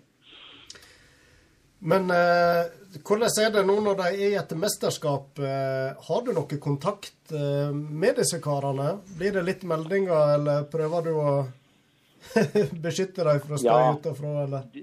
Det òg. Jeg, jeg, jeg prøver jo å, å velge litt sånn med, med, med omhu, og veit at det, det er ei teppebombing uten like de blir utsatt for. Så, eh, men, men eh, noen som bare snapper innimellom, det blir det. Og noen meldinger sånn. Jeg måtte jo si til Terje at jeg var stolt over han eh, etter den her fjerdeplassen som han gjerne hadde sett var en medalje. og Det å tåre å melde fra hvis de syns noe er urettferdig å melde i retning eh, Låginov. For det er jo et det, det er jo ikke noe populært standpunkt å ta. I det du melder sånne ting, så kan du risikere at både innboksen din og eh, Instagram-kontoen din er full av eh, hatefulle meldinger fra de nasjonene du da eh, ytrer deg mot, da, sånn, som, sånn som Russland. Så det enkleste er jo å eh, la være.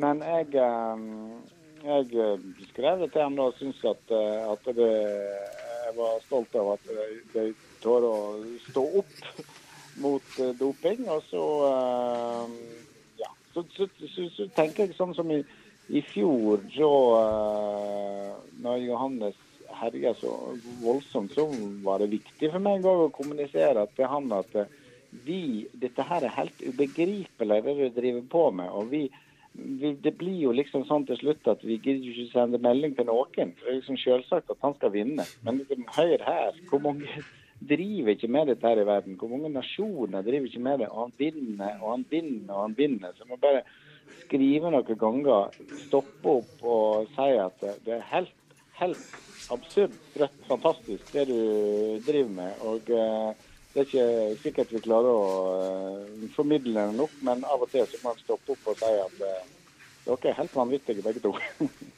Ja, nei, det er lett for at vi blir litt eh, blaserte og tar ting for gitt. Men ja. vi har nå sett i VM så langt at med gullmedaljene iallfall, de kommer ikke av seg sjøl. Og det gjør jo at spenninga den eh, beholder seg utover i mesterskapen.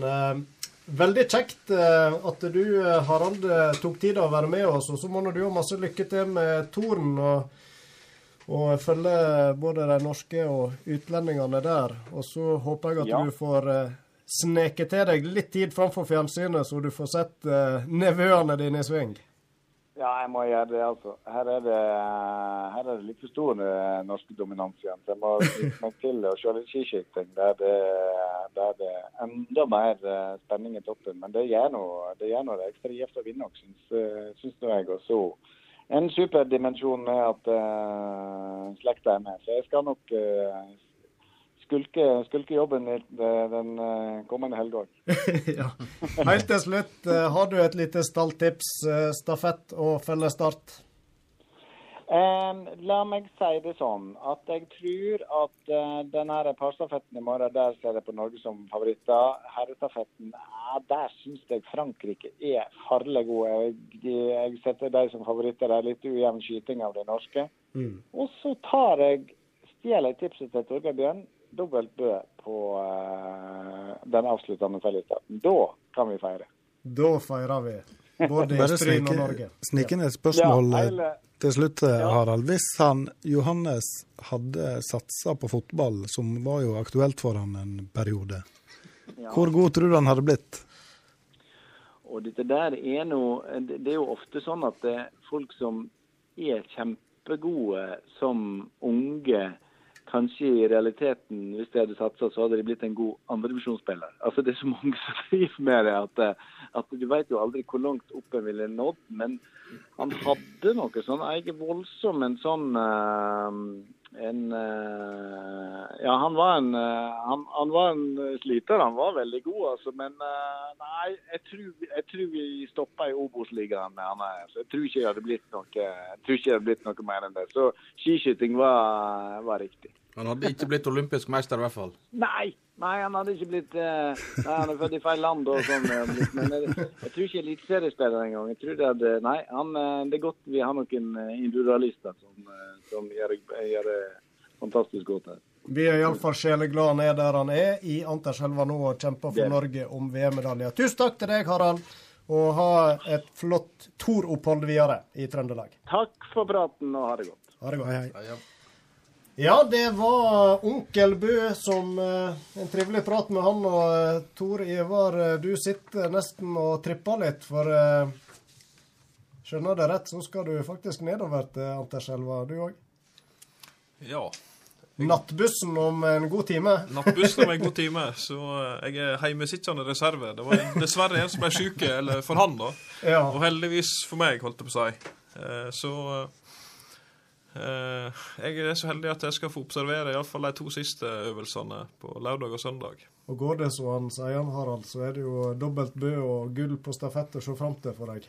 Ja, jeg tror, jeg tror nok ikke det blir dobbelt Bø, det, det tror ikke jeg. Men eh, jeg tror faktisk stafetten at, eh, at eh, i og med at de har vært litt rufsete, så tror jeg at de, kanskje at de får den lagfølelsen og klarer å løfte seg.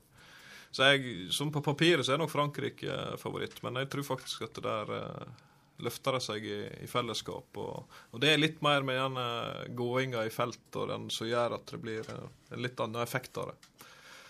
Så får vi håpe at en av dem kommer på pallen på søndag. Da skal vi være veldig fornøyde. Ja. Vi sitter jo flere her og er litt småmisunnelige på deg, da. Alle dere På bussturen? Nei, ikke bussturen. Den første kom det ned. Vi har nå sett noe både på TV-bilder og Facebook og ellers. Det, eh, det ser ut til at du kommer til å møte kjentfolk der nede, iallfall. Det ser ut som en bra bataljon fra området vårt. Jeg tror jeg kommer til å mø- møte mer kjentfolk der enn jeg bruker å gjøre hjemme på vei til Kiwi og opp Ja. og på jobb. Så det, det tror jeg. Og jeg har snappa litt med noen av de som er der nede, så ja. Det er veldig god stemning. Det er det. Blir du henta av han Inge Brynestad i München, eller? Nei, jeg eh, De, de reiste jo ned mandag, eh, så jeg må nok klare meg sjøl. Jeg har booka en eller annen en sånn eh, shuttlebuss fra München til Toblasj eller hva det er vi bor hen. Så jeg håper eh, det Vi sier en statue utenfor flyplassen og skal møte kvart over to i morgen. Så jeg krysser fingrene for at han står der. Velg nå rett statue. Men eh, egentlig et overflødig spørsmål, men da skjønner jeg du, du følger Selv om du har gitt deg med skiskyting for lenge siden nå, så eh, du er ivrig publikummer og følger med på TV og litt sånn, eller? Ja, jeg jobba jo som, eh, faktisk som langrennstrener fram til 2004-2005 eh, i Fossum eh, og Strømmen og Lillestrøm. Eh, og så håpte jeg jo at ungene skulle plukke opp, da, men eh, de har nå da valgt ballidretter. Ja, og det er ikke etter faren. Det er nok etter mora, hvis eh, Ja, det må være etter mora. Det er iallfall ikke etter meg. Eh, og det går nå bra i hvert fall med to av dem. Hun ene har slutta, men eh, to av dem er jo fortsatt med både på fotball og håndball. Så, så der, da må jeg holde meg på sidelinja, for jeg har absolutt ingenting å tilføre. Jo, kanskje litt kondisjon, men, eh, men eh, sånn håndball og fotball eh, teknisk, så eh, Bare gå inn som fysisk trener med en gang. Ja, det får vi se på. Men eh, så, så jeg eh, har dessverre da ramla litt ut av, av skimiljøet, da, men eh, jeg ser nå på og syns det er veldig spennende. Og jeg syns det er jo veldig kjekt. Jeg merker jo det på jobb. ikke sant? At med en gang du hører at du er er Stryn, ikke sant, så skjønner dere nå sjøl hva ja, for, for ti år siden så var det jo fotballen, så, så da var det jo Tore André Flo og, og, og det som slo inn. ikke sant? Og nå er det jo brødrene Bø som slår inn. Så, så det er jo ekstremt kjekt uh, å komme fra ei bygd der eh, vi er såpass profilerte som vi er av ja, Mm. det, de personene som de er. Ja. Og de framstår jo ikke sant, som utrolig positive og blide, så det er jo, det er jo ikke noe problem. å Gode ambassadører. Ja. Ja. så det gjør jo at det, det blir jo veldig mye snakk i eh, veldig mange settinger rundt det. Om du kjenner dem, veit hvem det er. Og, ja. Og så kommer du inn på at du sjøl har vært aktiv. Og, så- ja. Ja. Så når du har et møte, så går eh, 30% av tida til å prate om alt annet enn det du skal gjøre. Og det er, sant? Hvis du kommer fra en annen plass der du ikke har sånne helter, så, så må du jo rett inn i møte, møtediskusjonen. Møte? Så det, det God oppvarming. ja, altså, det er god oppvarming, og det er god bonding på en måte. Da, fordi at, eh, ja, De husker deg òg fordi at du kommer fra Stryn. Og, så ja, det, det er artig å være fra Stryn. Det er det. Nei, men da eh, gjenstår egentlig bare å ønske god tur. Jeg vet ikke om du skal hjem og pakke litt òg. Da må du nesten få lov å slippe ut av studio her snart. Men uh, veldig trivelig å ha deg med, Tor Ivar. Mimre litt om eh, hine hårde dager i, i skisporet. Og så uh, får du heie det du klarer. Jeg vet ikke, Har du pakka med skrall eller norsk flagg, eller? Nei, det er Hafsåsen har skralla. Ja. Så jeg, ser, jeg har sett på Facebook at det er om å gjøre å få prøvd ut denne skralla. Men jeg er faktisk ikke sikker på om jeg, jeg er godt nok trent til å stå og svinge på. Ja. Nei, ja, nei, altså det krever faktisk så at uh, Roar Alsaker drev og svinga på den i stad. Så Han svingte med omtrent. Den veier 20 kilo, hører jeg. Ja, så når du får snurr på dette der, så må det jo være visse krefter ute og går. Så Tenk det å er få- Må ikke skuldra ut av ledd. Tenk å få den i bakhodet, du. Så ja da. Nei da. Så Nei, det blir kjekt. Nei, men Da ønsker vi deg god tur og et uh, flott opphold i Anterselva. Takk for det.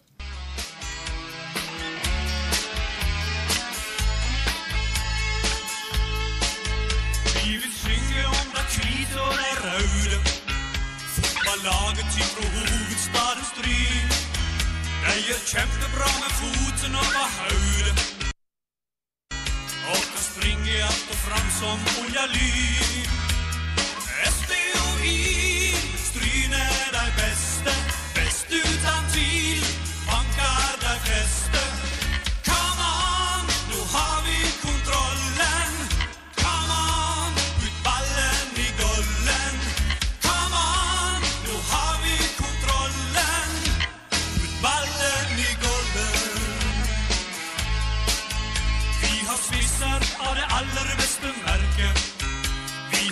har som kan kaste seg på alt.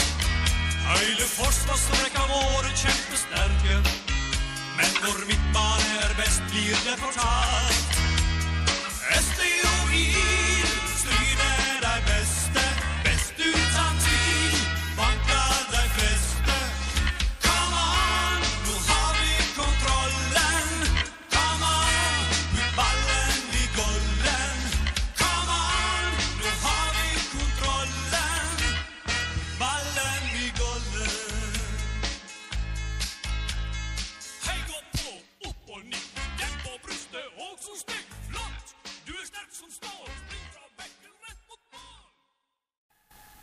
Men til Jan Nygård og Dag Magne Berstad, populært kalt Dammen, er ikke det så?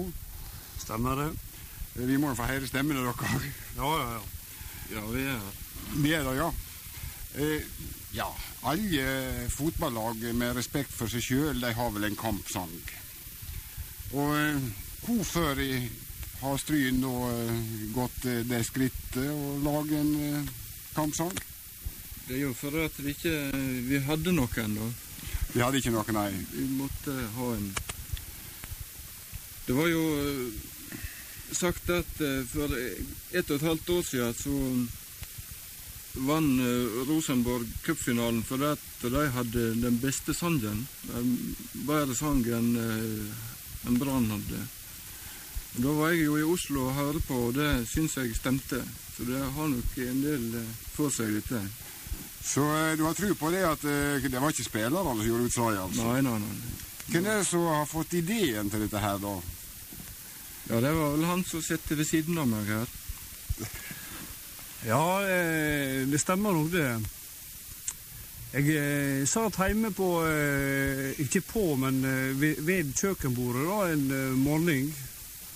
Og eh, hørte på NRK Førde, hadde en sending da. Og da hadde et intervju med, med eh, han der som eh, er sjef for supporterklubben i Førde. Og de hadde visst et opplegg på gang da. Så jeg tenkte da at, eh, at her måtte vi finne på et hvert for å få litt liv i, liv i dette her igjen. Så jeg fant ut at her måtte vi gjøre noe med, og jeg eh, Du satte deg rett til klaveret og komponerte melodien? Eh, Jeg setter ikke meg til klaveret, men eh, det gjorde han Jan. Han som sitter ved siden av meg, men eh, ja, her, her hørte vi altså et radioopptak fra eh, ganske nøyaktig 30 år siden. Rundt 1990 er det. Og på mange måter kunne det vært gjort i dag, for det var Jan Nygaard vi hørte her, og ved siden av Dag Magne Dammen Berstad. Velkommen i studio til dere. Takk for det. 30 år etterpå. Ja, ja, ja. Og så kan vi òg ta med at eh, den eh, reporteren her, det var vår kjære Arne Vik, som var en meget sentral person i Radiostryn da. Ja, Strynesongen som vi hørte spilt der. Vi, vi kaller han Strynesongen, men har han et annet navn? Eller? Jan? Det har jeg ikke peiling på. Nei, han har vel ikke det. Sangen uten navn. Sang uten navn. Over tekst, første tekstlinje står det SD og IL. Ja. Det er vel det det. SD og IL. Og så putt ballen i golden, hva har mange så sagt. Ja. Ja, ja, ja. Nei da, jeg tror det var eh, SD og IL og ikke noe mer enn det. Så eh, nå må ikke vi blande i hop Stryn og Sandane, da. Nei. Ja, det er stil. Det er stil. Men, Ja. da, da, men da er det SD og IL. Det er viktig ja. forskjell, men iallfall denne sangen her, den har vi eh, spilt titt og ofte i Sport om spas, og har snakka om at nå må vi få i studio disse karene som faktisk skal lage den. Eh, og det er blant annet dere Det er vel riktig så heter det du, Jan Nygaard, som har skrevet den, er ikke det? Ja da. Kan dere fortelle litt om bakgrunnen? Var vel inne på det du, Dag Magne, men Ja, det var jeg for så vidt, tydeligvis. Husker du? Da du satt oppå opp på kjøkkenbordet. Ja, da jeg satt oppå på kjøkkenbordet. Nei, han kom jo ganske enkelt til meg og sa at nå må vi ta og se for å få til en fotballsang, sa han.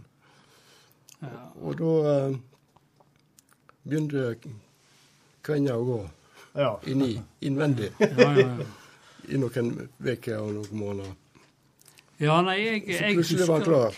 Ja vel. Jeg husker ikke hvor dette hang i hop, men uh, plutselig så sto vi der og skulle nå spille inn dette der, da, ut, med, ut i Ladas Anders Magnevik.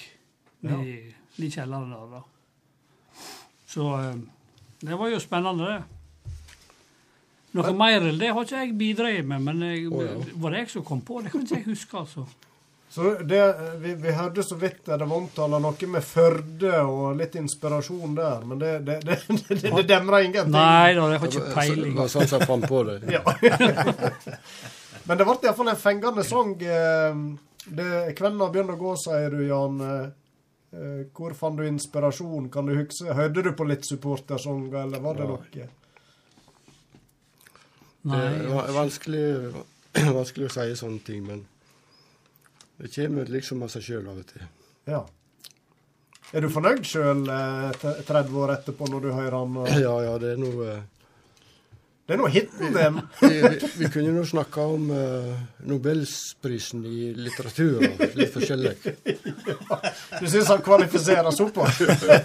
Jeg sier meg faktisk enig i det. Dette er et strålende verk. Nå hører det med at han Jan lærer godt der. For han, eh, han, eh, Jan dreiv jo veldig mye med dette der å skrive både tekster og melodier. Setter jo tekst til forskjellige melodier og lagde jo mye melodier. Så jeg eh, fant jo ut at eh, skulle vi få til noe der, så eh, måtte vi snakke med Jan. Mm. Så du dreiv jo veldig mye med sånne ting da, i de tider. Men kan de huske når denne ble spilt første gang?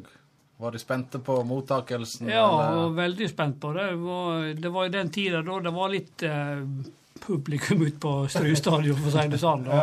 I 1990, ja. Det var vel han eh, Seio Sar som var trener for Stryn i den tid. Det var vel ikke så veldig mye spilt, men eh, litt seinere fikk jeg det litt så, liten sånn renessanse. Da eh, var det ganske mange ungdommer som lærte seg eh, den melodien og teksten og alt. Ja. Og sang på kampene. Ja. Jeg har nå hørt han i nyere tid har blitt eh, spilt litt òg på oppvarming og litt sånt, så han, eh, han er nå i spillelista der i Spikerbua, tror jeg. Ja, kan hende det. Det meste annonser du går i. Ja, det beste nå. Tjene penger. Men, men dere som eh, spilte inn, eh, der var du, Dag Magne. Du, du spiller jo Er det bass, eller? Nei, nei, nei. nei, nei, nei. Nei. Nei. Eh, Jeg spilte ikke bass. Nei. Men jeg, jeg sang kun, kun, kun sang sang på meg. Da, da. Ja. Og så gjorde vi det da sånn i den tid. Det var noe før eh, det var veldig digitalisert. Da, så Det var teip.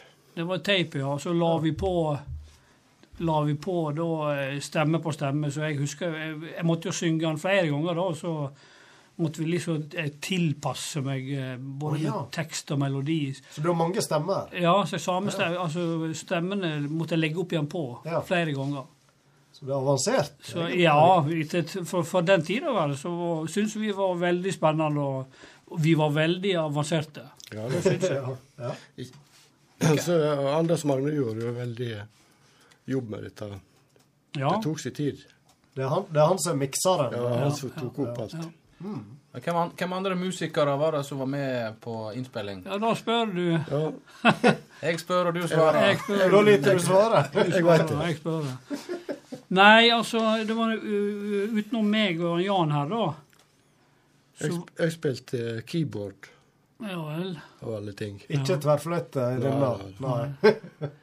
Jeg og Jan Og, og, så, og så hadde vi uh, Terje Raudi på sologitar. Otto Raudi. Han var, spilte gitar og sang ei, ei stemme eller to. Ja. Og så var det Torbjørn Mork på bass. Ja. Og så var det Og ikke Torbjørn Mork, Og- helseministeren? Nei. Nei. Han helste, han helste iallfall på oss. Ja. Og så han Åge Nygaard på Åge trommer. Nygaard på slaget. Åge Nygaard, aktiv fortsatt. Ja, ja. da. Og så hadde vi med noen blåsere. Det var Oddmund Kjøsnes på eh, trompet. Storblåser der, ja. Og Knut Sandbakk på trombone. Og så han Vidar Karlsbakk på altsaks. Han spilte solo. Ja. To, Ja. to stunt med seg sjøl. Ja. Men han var òg med på i lag med hinblåserne. Men, men dere spilte dere inn hver for dere òg, eller som det ble spilt inn eh, i sin helskap? Vi måtte jo øve den inn selv, selvfølgelig, og Ja. i lag. Ja. Men vi, vi spilte den vel inn det sånn delvis. Jeg kom og la på sang og Vi, vi begynte med slagverket. Ja. En, en en, par, for to-tre timer. Ja, det var ei kveldsøkt. Vi, Og vi så la, la, av vi, la vi på én etter én. Ja. Alle blåserne var selvfølgelig i lag. Og, Mm. Ja. Kan du huske, Dag Magne, tykte du dette var en fengende låt? Når du fikk den? Ja, ja, det, jeg syns det var mer spennende. jeg, Da jeg, ja, ja, det var jo en fin melodi. Men jeg tror ikke jeg ville ha Eller jeg ville bygd den om litt, grann, hadde det vært i dag, da. Ja. Hva, sånn umiddelbart? Hva Nei, er det, det, det, er et, det er et break inni som jeg ikke liker. sånn. Det blir helt stilt. Først av alt. Ja, ja, ja. ja. ja. Men eh, nei da, Melin er jo helt eh, Han var jo up to date han på i 1990, vet du. Oi, ja, ja, ja. 90-tallssound Ja, ja, ja. eh, skikkelig på den der. Men, men dere var ikke et, uh, egentlig et band i utgangspunktet, dere som spilte det? Nei, det var nei, litt sånn håndplukka? Nei. Det var nok kjente folk. Ja, vi, vi kjente nå de som Men vi var ikke noe sånt band. Det, det var ikke vi. Nei. Nei. Har det blitt noe royalties på denne her, eller? Nei, jeg har ikke merka noe. Jeg har ikke merka noe. Det er vel kanskje en stund siden jeg har hørt sangen. Nei, vi, hører det nå av og til i radiostryen, da. Og, Et, etter at han vært miksa og, Ja. Og Ove hadde laga han til litt mer. Laga digital eh, Han var vel begynt å bli litt rusta på eh, kassettene våre, vil jeg tro. Ja, for dere sa det, at dere hørte forskjell på sånn som han er nå, Ja, da. Oi, digitalisert. Ja. ja da, ja da. Det er stor forskjell på det. Mm. Så eh, nei, den er blitt bra, den nå, altså. Jeg kan jo eh, kan jo avsløre at dette her er jo en sang som blir, også blir, blir spilt utenfor landets grenser. Super. For uh, nå uh, Du kan le, Roy Jarl, men dette her er sant. Hoppland, da? Sikkert i, fjer, i for- Fjærland. For et års tid siden så fikk jeg ei melding med en viss Tore André Flo. Og han, eh, han lurte på om jeg hadde den sangen lagra en eller annen plass. Og det hadde jeg, da. Eh, om jeg kunne sende den til han. Eh, det gjorde jeg, og så spurte jeg eh, hva han skulle bruke den til. Eh, og så skriver han da at eh, den sangen der er en skikkelig klassiker. En av de beste klubbsangene. Skal lære ungene den. Ja, Så han eh, har sin unge er vel sånn halvveis engelskspråklig, så, eh, så der går de og nynner på den bort til London. Spørs om det blir sånn engelsk omsetning på Norge etter hvert. da.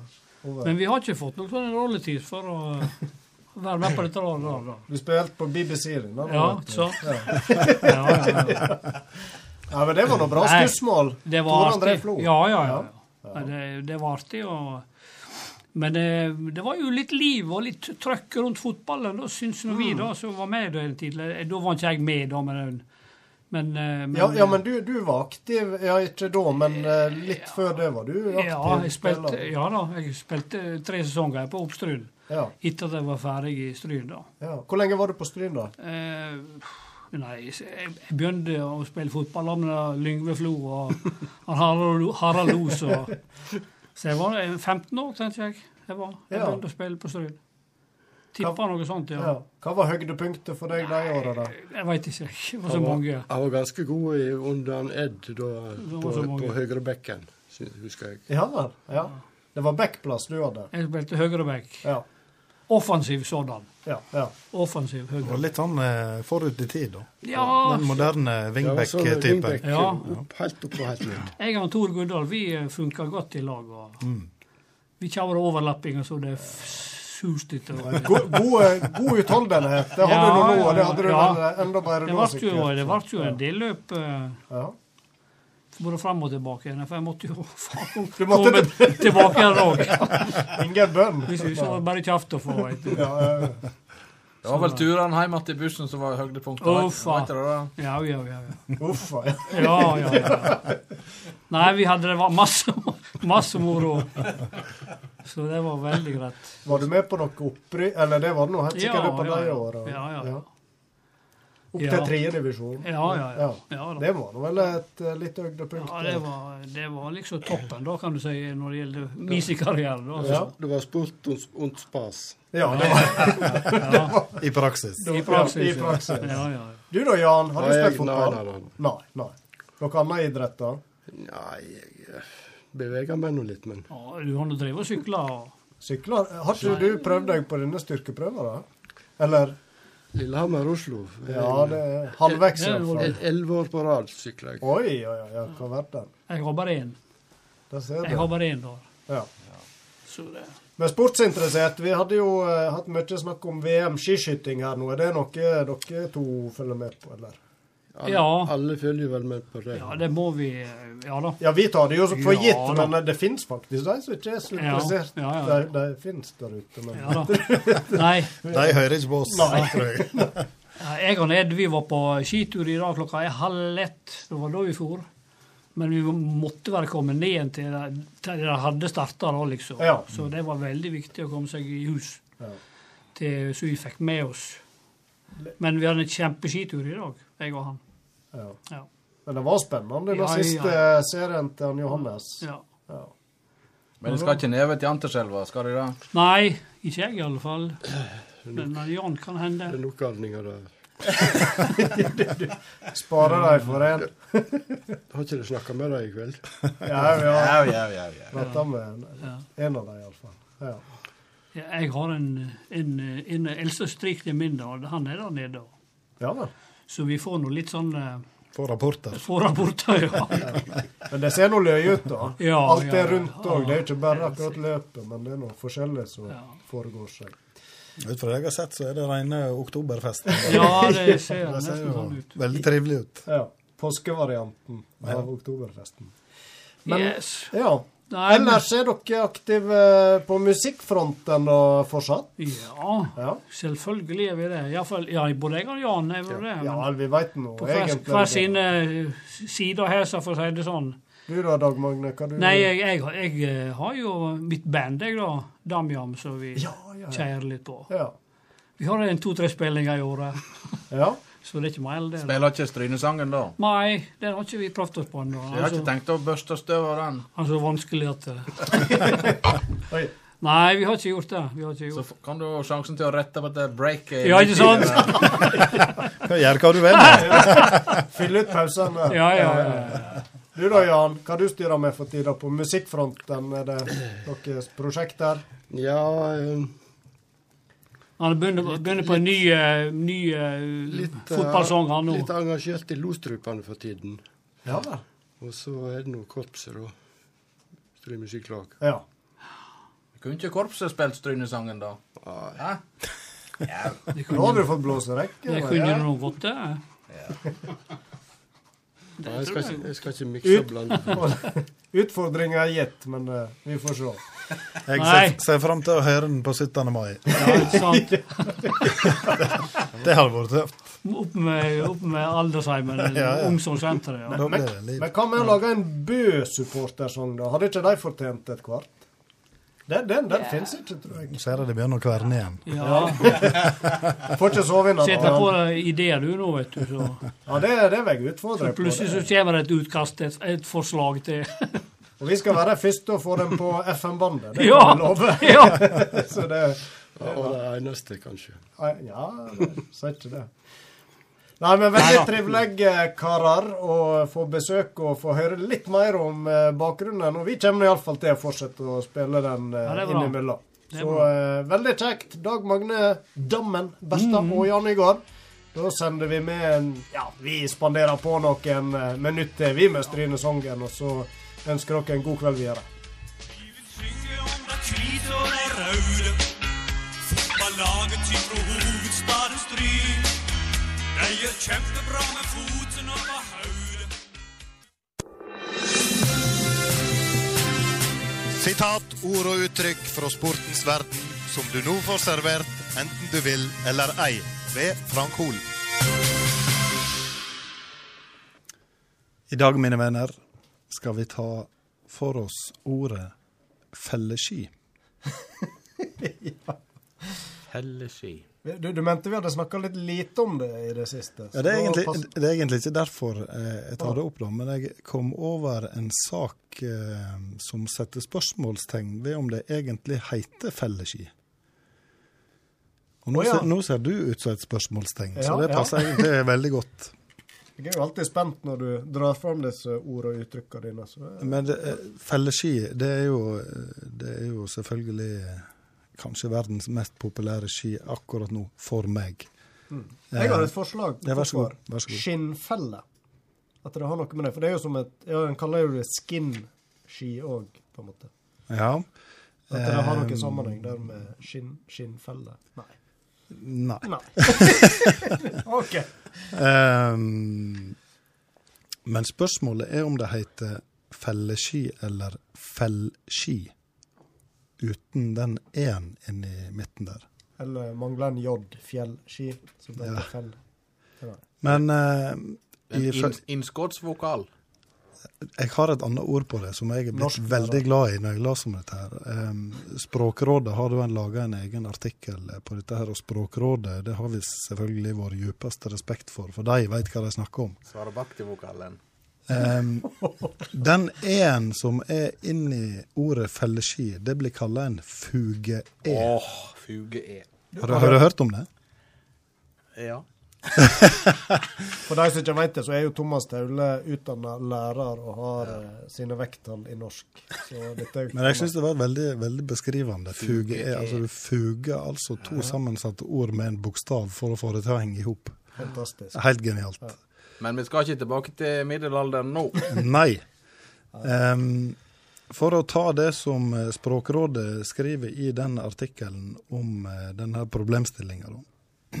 Første ledd i ordet fell, det er jo det samme som pels eller skinn, som du var inne på, Roy Aron. Pelsski. Um, men vi finner mange andre sammensette ord uh, med dette første leddet i ordbøkene. Og så skal vi innom Tanums store rettskrivingsordbok. Den tror jeg vi har nevnt før. Den ønsker jeg meg til jul. Hilde, hvis du hører på. Noter. Um, men i nynorskordboka finner vi fellmaker, for eksempel. Eh, fellgarn, fellskinn og fellstong. Eh, og derfor mener Språkrådet det er logisk å skrive fellski og ikke felleski.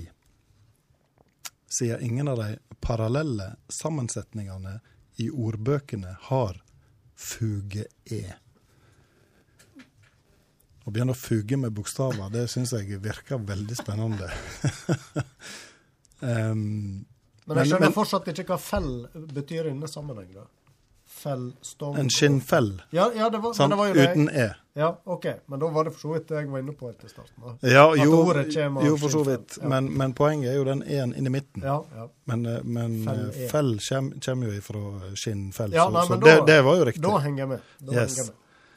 Eh, men det er da ikke uvanlig at en bruker sånne e-er for å danne eh, sammensette ord, som for eksempel, eh, for eksempel julenisse, bjørketre, og et, et mer lokalt ord som for eksempel balleveir.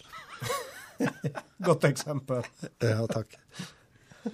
Eh, og vi kaller da dette for fuge-e, akkurat som en fuge-s i f.eks. ordet kjøpsloven. Ofte danner vi òg sammensetninger uten noen bindebokstav, som tannbørste, og altså fellski. For Språkrådet sin konklusjon her er at det egentlig bør hete fellski og ikke felleski. Eh, med flere muligheter er det ikke alltid så greit å vite hva som er riktig måte å danne sånne toledda sammensetninger på. Da er det ofte lurt å se etter andre sammensette ord i ordbøkene med det samme første leddet, sånn vi har gjort i dette tilfellet. Så eh, i og med at jeg kom over en artikkel om ordet felleski, så måtte jeg bare nytte høvet. Og det gjorde du på en framifrå måte. Strålende fram. Så herifra, og i neste sending kan, det hende at jeg kommer til å si fellski i stedet for felleski. Ja. Da begynner det å bli små crazy her. Da lytter vi fuga litt. Ja. ja, da må du fram med fugemassa, ja. Veldig bra. Da ble vi litt eh, klokere denne gangen òg. Og eh, nå dreier klokka seg mot halv elleve, ser jeg, og da er det på tide med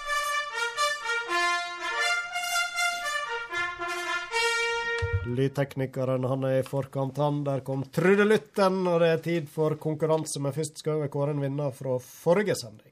Hove, han er framme i skodden, veit du. Sist gang, da hadde vi Inge Brynestad på besøk. Vår venn i Anterselva. Yes. Og vi spurte Han snakket om et OL han hadde vært på. Mm. Han hadde reist i Jeg tror han bare har vært på et OL, sånn som det kom fram, iallfall. Ja. Han reiste, han reiste i hurten og styrten og heiv seg rundt og reiste av gårde til Frank. Vancouver. Og det var i det herrens år 2010, da Tarjei Bø debuterte. Gikk andre etappe og tok OL-gull. Helt rett. Tider. Husker dere løpet, gutter? Ja. Oh, ja. Jeg husker jo Tora Berger, hun vant vel et renn eller to der borte. Hadde et gedigent eh, norsk flagg hengende rundt. Så vidt du fikk slept det i Så ikke ikke at det. Men nok om det. Vi skal trekke en vinner. Ja. Og det bugner av svar. Ja, det gjør det. Og Hvem skal trekke, da? Ja, nå var det han Ove sist, da. Det var jo eh, sånn Han sn snytte meg for en uh, trekking sist, tror jeg. Så nå er det vel uh... det- Vi må ta vare på våre teknikere. Er det min tur? Vi må vente i 14 dager Du har jo aldri fått trekk, Thomas. Nei, men jeg Uh... Du liker best å stå for uh, Jeg vil, jeg vil, vil ikke ha noe ansvar her. Ja. Jeg liker, Ja, da- jeg liker å riste egg, hvis det er lov å si. Eh, litt i tvil. Yes. Da eh, Men du skal få lov å lese opp, for nei, Nei, nei, nei. Dette, nå, nå må ikke du eh, springe fra ansvaret ditt. Nei, vi prøver. Sindre, tror jeg det skal være. Jo, Sindre Mulelid. Ja. Ja. Hartvigsen. Da kan vi jo avsløre at han er nå den- Trippelvinner. Han er trippelvinner. Han har alle T-skjortene. For ei samling. Den eh, er han eneste. Første og eneste. Har vi, snakket, har vi snakka om den nye fargen? Nei, det har vi jo helt glemt. Vi sitter jo her med flunka nye. Sesongens farger. Kål- Kålende svarte. Kålende svarte. Det regner sånn eh, Ja. Nei, vi er godt fornøyde sjøl, er ikke vi det? Ja, det ble fint, det. Thomas har jo sagt uh, beste så langt. Vi ser jo ut som en dommertrio. Ja. ja. Nei, men den er bare å glede seg til å få i uh, posten. Så uh, da var det altså han Sindre Hartvigsen mulig Men vi må jo ha en konkurransespørsmål til, vi. Ja, da lytter vi. Her setter vi i gang eh, avslutningsmelodien, men eh, Thomas også- beholder roen, han. Han heter oss Indre Mulelid Hartvigsen. Hva det var jeg sa? Og ikke Hartvigsen Mulelid, oh, ja. som eh, han Roy Myklebust Brennvik, sa. Brennvik. Brennkvikt. Brennkvikt. Ja. Nei, vi hadde jo nettopp besøk av to sjarmerende uh, karer i studio. Ja. Vi snakka om Jan Nygaard og Dag Magne Berstad. Vi vil fram til kallenavnet til Dag Magne. Det ble eh, brukt et par ganger her av vår kjære kjære Og det er ikke Dagen. Bare Kallenavnet til Det er veldig mange kallenavn det ikke er. Ja. Skulle vi tatt et par eksempel til det? Vi stopper der. Ja. Dag Magne, kallenavn. Send inn til oss på Messenger. Yes, yes. Og Hilde Ullebø Hol har allerede svart. Du verden. Men vi røper ikke hva. Nei. Selvfølgelig ikke. Vi er tilbake, vi, om eh, to uker. Vi avslutter med å takke de som har bidratt i dagens sending. Førstemann ut, det var vår gode venn fra Olden, og nå for tida Janterselva, Inge Brynestad. Så fulgte vi opp med en hyggelig gjest i studio, Tor Ivar Kandal. Og vi- Harald Tengnes. Ikke minst. Og til slutt så hadde vi besøk av to gode kanaljer, Frank. Jan Nygaard og Det var like før. Ja. Dag, Mag Dag Magne Berstad. Ja. Oi, oi, ai, ai, Ai, ai. Ha en fortreffelig kveld videre på min venstre side. Thomas Hol. På min høyre side. Lionel Richie. Og midt iblant oss, vår kjære programle programleder. Roy Aron Brennkvikt Myklebust. Ai, ai, ai. God kveld.